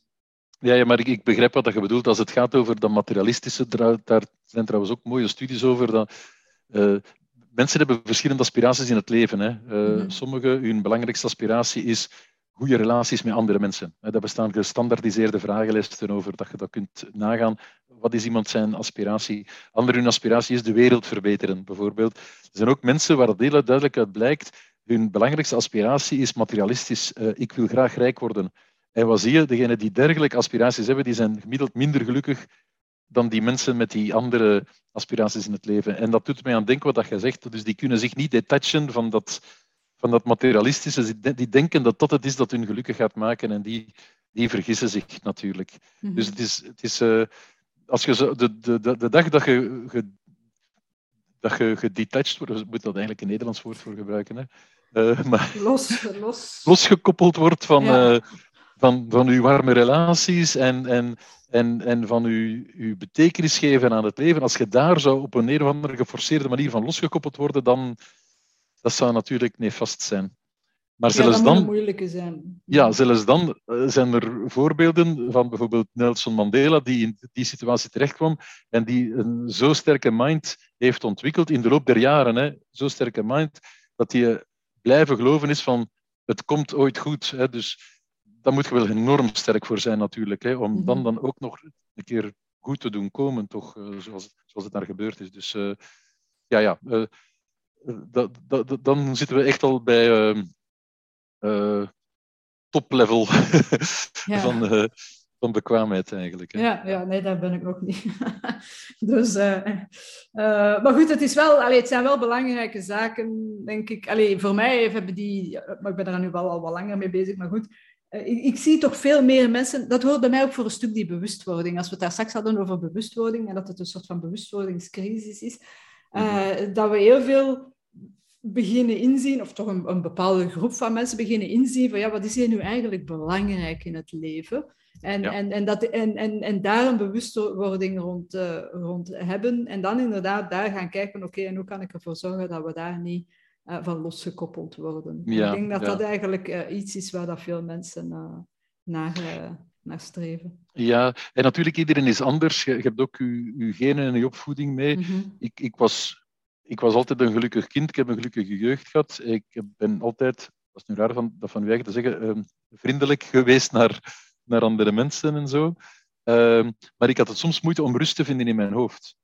En dus bij mij heeft, sinds dat ik geluksonderzoek doe, uh, nog maar eh, een jaar of zes, heeft dat wel een belangrijk uh, verschil gemaakt. Dus ik, ik heb leren mediteren, maar zoals ik het straks zei, het hoeft niet per se mediteren zijn. Hè. Het kan ook luisteren naar klassieke muziek zijn, of mindfulness, of, of yoga, of, of, in de tuin werken. En of op wandelen in het bos. Hè? Wandelen, ja, bosbaden noemt men dat nu. Ah, ja. uh, ja.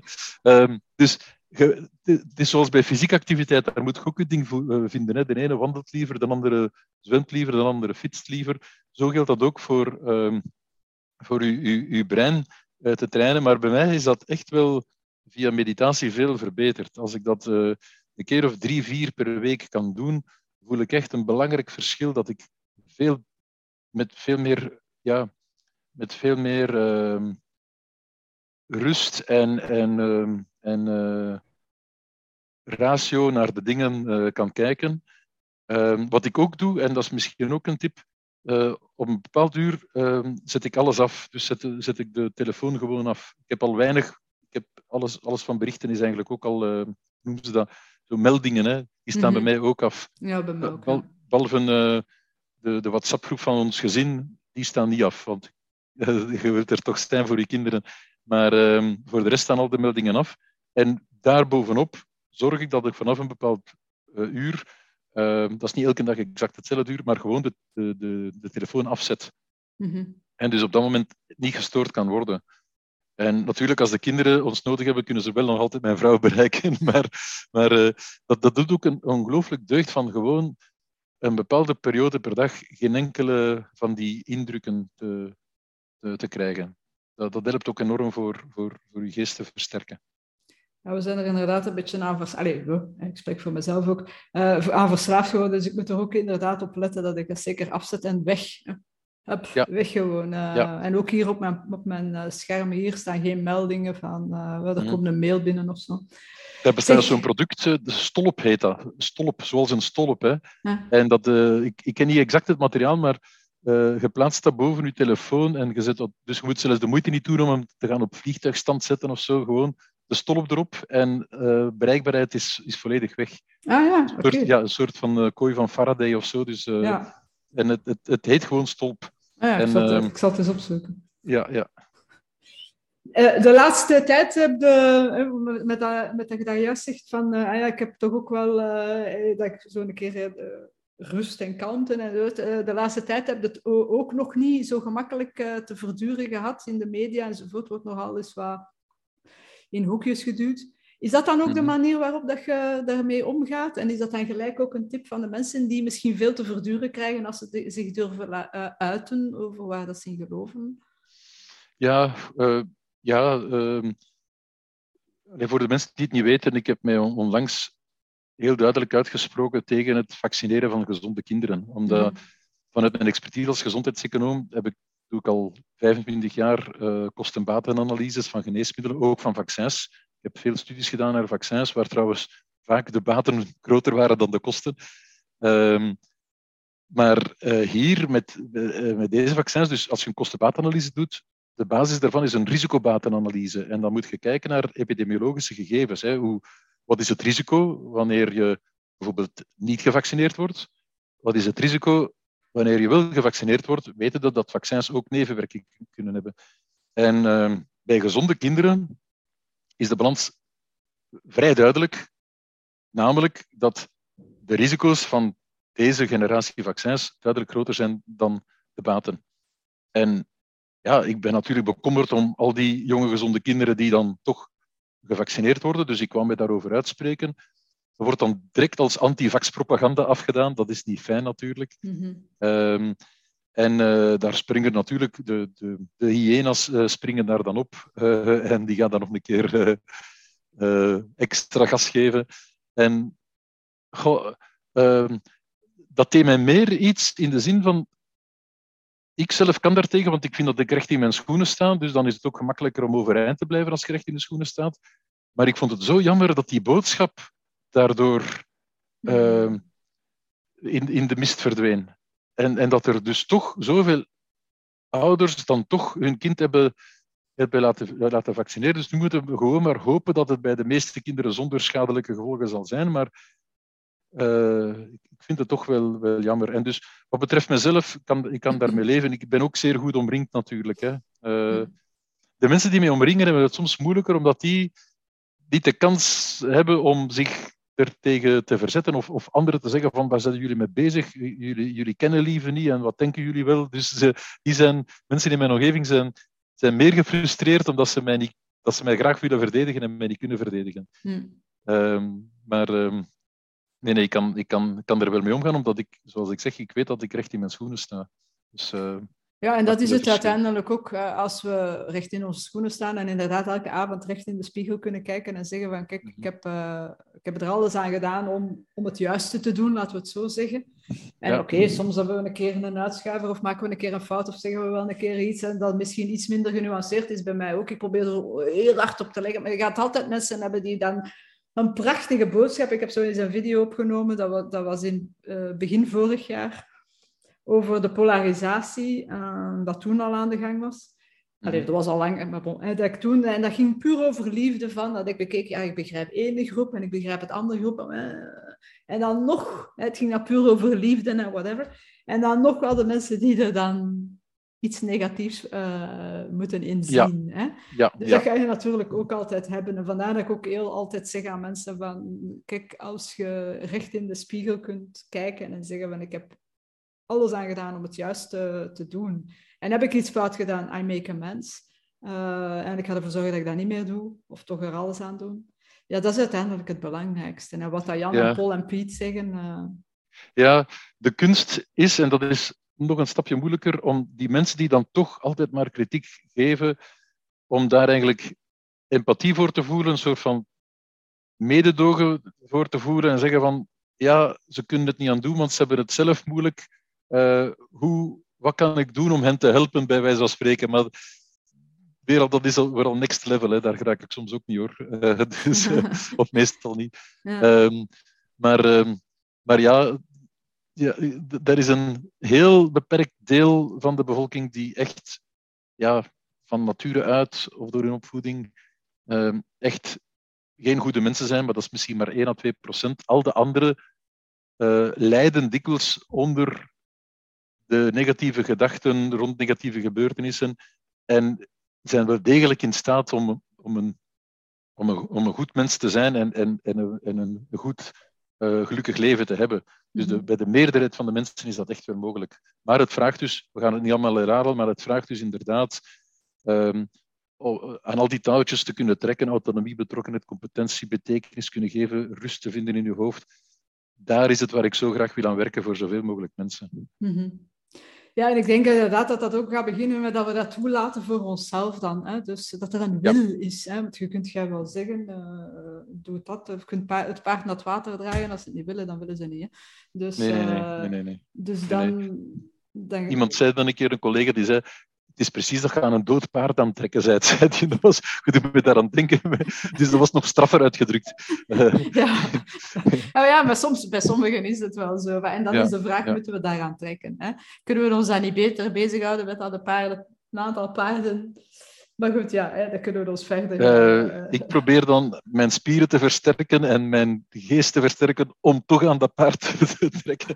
Maar uh, en in de hoop dat dat plotseling dat, dat, dat eigenlijk maar schijndood was en dat dat dan toch tot leven komt. ja. Uh, ja, maar dat is inderdaad ook wel een moeilijke. Hè? Ik, ik, ik zit soms met die vraag ook, uh, heeft het zin dat wij blijven met de boodschap naar buiten komen van mannen, pas toch op. Bijvoorbeeld als we het over kindervaccinatie hebben, zou ik zeggen ja, want dit is voor mhm. mij ook heel erg belangrijk. Zo, laat ons blijven met die namen op die nagel kloppen, want dit is te belangrijk om te zwijgen. Mhm, mhm. Uh, ja. Maar sommige mensen zeggen dan ook, ja, met daar op de barricades te staan en uw posters en uw podcasts en dit en dat. Hè, het gaat niet veranderen, het gaat niet veranderen. Sommige mensen willen niet mee. Hè? En dan, dan denk ik ook zo... Ja, nee, ik krijg ook soms die opmerking van ja, al uw lezingen en uw boek enzovoort, dat is toch maar een, een druppel op een eten plaat.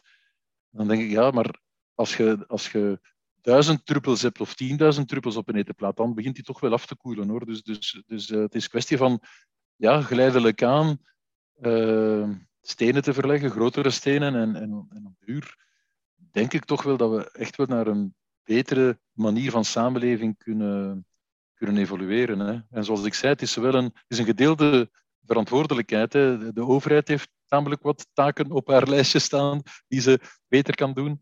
Wij hebben ook een lijstje wat we voor onszelf kunnen doen en wat we voor anderen kunnen doen. Dus uh, een beetje um, ask what your country can do for you and ask what you can do for your country. Eigenlijk die twee vragen uh, dienen we ons te stellen. Denk. Combinatie, ja, inderdaad. Iedereen heeft ja. zijn verantwoordelijk. Inderdaad, leg het niet alleen maar buiten uzelf. Uh, verwacht ook mm. niet dat het alleen maar daar gaat gebeuren. Neem ook voilà. zelf die stappen. En welke rol je ook te spelen hebt. De ene zal wat meer outgoing zijn of dan de andere. Ik denk wel dat we allemaal een rol kunnen spelen. En uh, mm -hmm. als we het gevoel hebben dat er toch injustice is, hè, onrechtvaardigheid ja. of onrecht, dat is nog erg, mm -hmm. dan mogen we wel opstaan. Zelfs als je het gewoon in je eigen omgeving al doet, mm. in, je, in je privéomgeving, in je werkomgeving, aan, aan al die dingen denkt, aan, aan, die wederkerigheid die zo belangrijk is, van elkaar autonomie te gunnen, elkaar met, met, met, wat vaker met vriendelijke woorden uh, aanspreken, enzovoort. Die, die pluim geven geregeld. Dat zijn allemaal dingen die al in een micro-omgeving al een groot verschil kunnen maken. En als iedereen dat dan doet in zijn of haar micro-omgeving, ja, dan, gaat het geleidelijk aan beteren. Dat kan niet anders. Ja, ja dat is een ripple effect. Hè? Ja. Alright. Um, goed. Uh, zijn er dingen dat ik eigenlijk nog niet gevraagd heb en dat je zegt van, oh, dat wou ik toch nog even eens ertussen fietsen? Uh, ik had hier ook een beetje notas gemaakt ter voorbereiding en er, er, is toch wel veel, veel van wat ik dacht te vertellen al aan bod gekomen, hè, dankzij uw vragen. Dus uh, nee, nee, nee. Ik denk misschien Uh, want dat staat niet, niet letterlijk in mijn boek, maar ik zeg dan nu vaak in mijn lezingen, als, als slot van mijn lezing, als, als mensen dan vragen van, wat is dat dan eigenlijk dan? Geluk, kun je dat in een, in een paar woorden samenvatten? En dan zeg ik vaak, geluk is het hoofd koel houden en het hart warm. Want daar komt alles eigenlijk op neer. Het hoofd koel houden wil zeggen dat bewustzijn, die rust in je hoofd, uh, niet van hier naar daar geslingerd worden. En het hart warm inderdaad, niet afstandelijk zijn, maar juist warmhartig naar, naar anderen toe. Uh, als je die twee kunnen, kunt combineren, dan. Uh, ik heb dat zelf niet uitgevonden hoor, maar ik vond het wel zeer mooi. geluk is het, het hoofd koel houden en het hart warm. Ja. Ja, en er stond er ergens in uw boek ook zoiets van: hè, gelukkig is geluk niet afhankelijk van geluk hebben. Ik, denk dat, ja, ik dus, vond dat eigenlijk ook een goede zin. Gelukkig is gelukkig zijn niet enkel een kwestie van geluk, ja, inderdaad. Ja. Uh, want sommigen denken dat ook, hè, dat uh, ja, het zit in je genen, hè, je wordt ermee geboren of je wordt er niet mee geboren en je moet wat chance hebben in het leven. Maar je hebt het zelf wel degelijk in handen. Dat, ja. dat wil ik daar inderdaad mee zeggen. Ja, ja. ja dat denk ik ook. Hè. Dat denk ik ook. Ja, ik, ik zei vroeger altijd... Uh, en, en, tot nog altijd voor een stuk, maar het is niet voor iedereen geldt. Ik zeg altijd, I choose happiness. Hè.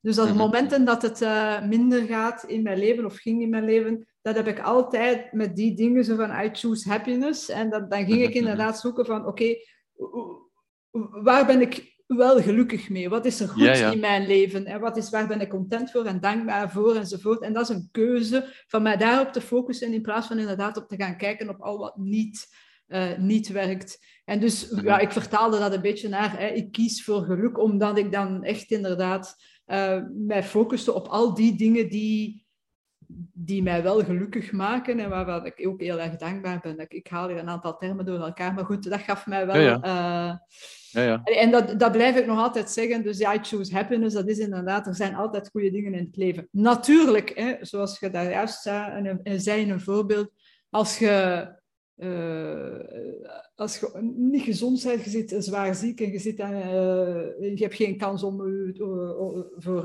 weet ik veel wat, een dokter te bezoeken en je hebt geen dak boven je hoofd.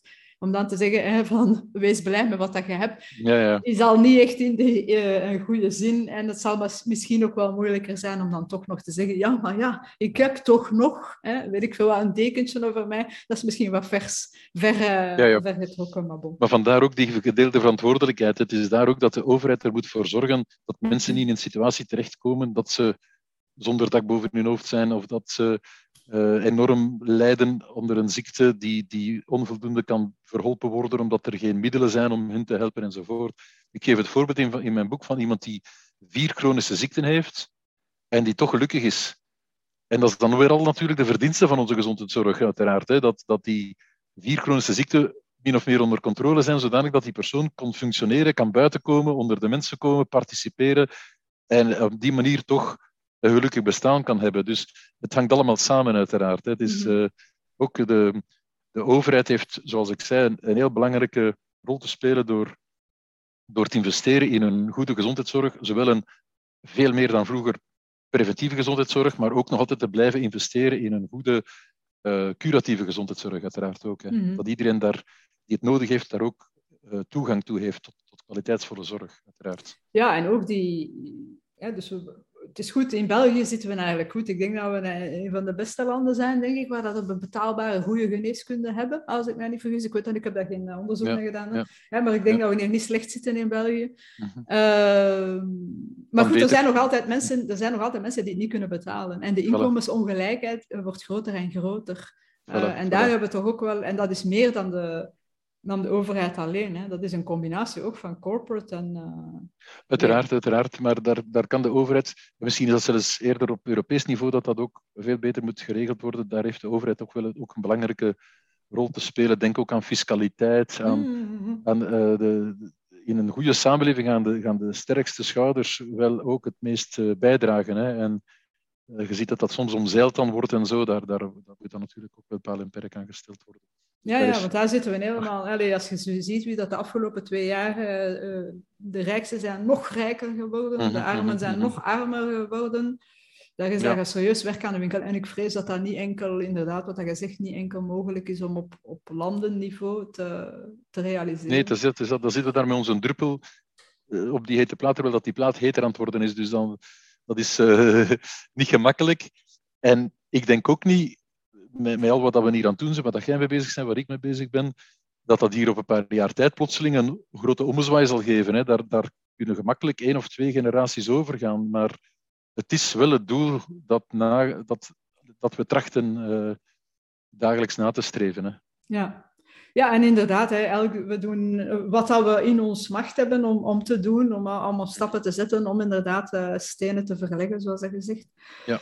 Als mensen nu eh, luisteren en, en je hebt nog zo één gouden tip waarvan dat je zegt van ja, vanaf morgen of vanaf straks, whatever, doe dit en uw leven zal er beter uitzien, uw toekomst zal, zal er schoner uitzien. Wat is die gouden tip dan? Heb daar heb ik dus niet over nagedacht. Eh, ik, zou, ik zou zeggen. eh, ik zou twee dingen kunnen zeggen. Eerst en vooral, ondanks alles, eh, ondanks alles dat er gebeurt rondom ons enzovoort, zie gewoon elkaar graag. dat, klinkt, dat klinkt een beetje bond zonder naam. Ja, Eh, het is, het is zo, hè. het zijn zo van ja. die, eh die zie, me, zie van elkaar graag. Ik heb soms, eh, ik heb soms ook misantropische eh, eh, buien. Voor wie doe ik het allemaal?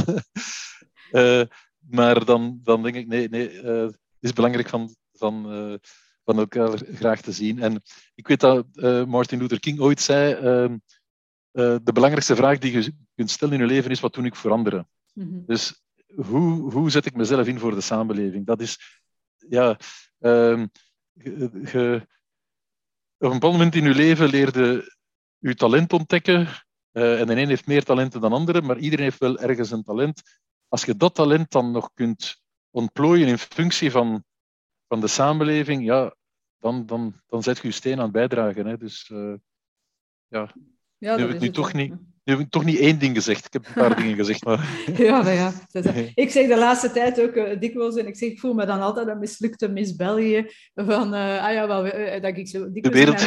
Ja, zo, ik wil de wereld inderdaad beter. Vrede, vrede en liefde, dat, dat is eigenlijk ja. het enige dat ik wil. Ik had nooit gedacht dat hij mij vijf jaar geleden gezegd dat ik dat constant in mijn filmpjes zou zwieren. Dan had ik je hartelijk uitgelachen. Maar kijk, ja, ja. uiteindelijk komt het daar altijd op neer. Met nieuwjaar zeggen we altijd hè, veel geluk en vrede en, en gezondheid enzovoort. Maar uiteindelijk komt het daar wel op neer. Ja, ja, ja, ja. ja. Ja, ja, en daar kunnen we inderdaad elk ons steentje bijdragen. Dus, uh, dus voilà, zie elkaar graag is uh, denk ik uh, inderdaad... en to serve, we zijn er voor anderen te dienen, uzelf en anderen. En dan komt het... het komt allemaal goed. Het komt altijd allemaal goed, hè, uiteindelijk. Ja. Dus ik heb er ook een goed gevoel bij dat, dat, we, dat het einde van de tunnel wel in zicht is en dat die er aan de andere kant vrees schoon uitziet. Dus, ja, John Lennon heeft dat ooit gezegd. Hè? In the end, everything will be okay. If it's not okay, it's not yet the end. Dus met andere woorden, we blijven ijveren tot als het, het dat, komt. Dus dat, en niet opgeven, blijven gaan. Komt goed, komt goed, ja. komt goed. Ja. Alright, wel, uh, dan wil ik u heel hartelijk danken voor het, uh, voor het gesprek. Ik vond het uh, heel erg aangenaam en plezant. en nuttig en interessant. Dus uh, nee, dikke merci uh, om hier aanwezig te zijn. En voor de mensen die kijken en luisteren, als je het goed vond, thumbs up, abonneer je op de kanalen, deel het met de mensen die er baat bij kunnen hebben. Uh, dan doet je ook weer iets goed voor de mensheid en dient je anderen. Dus, en dat maakt ons content, dus meer moet dat niet zijn. Alright. Dank bye, bye. Dag Greet. Dag. Dag. Super tof dat je meedeed. Vergeet niet naar mijn website te gaan, greetbunnens.be. Daar vind je heel veel gratis artikels, video's, audio's, lots of fun stuff. Bedankt daar.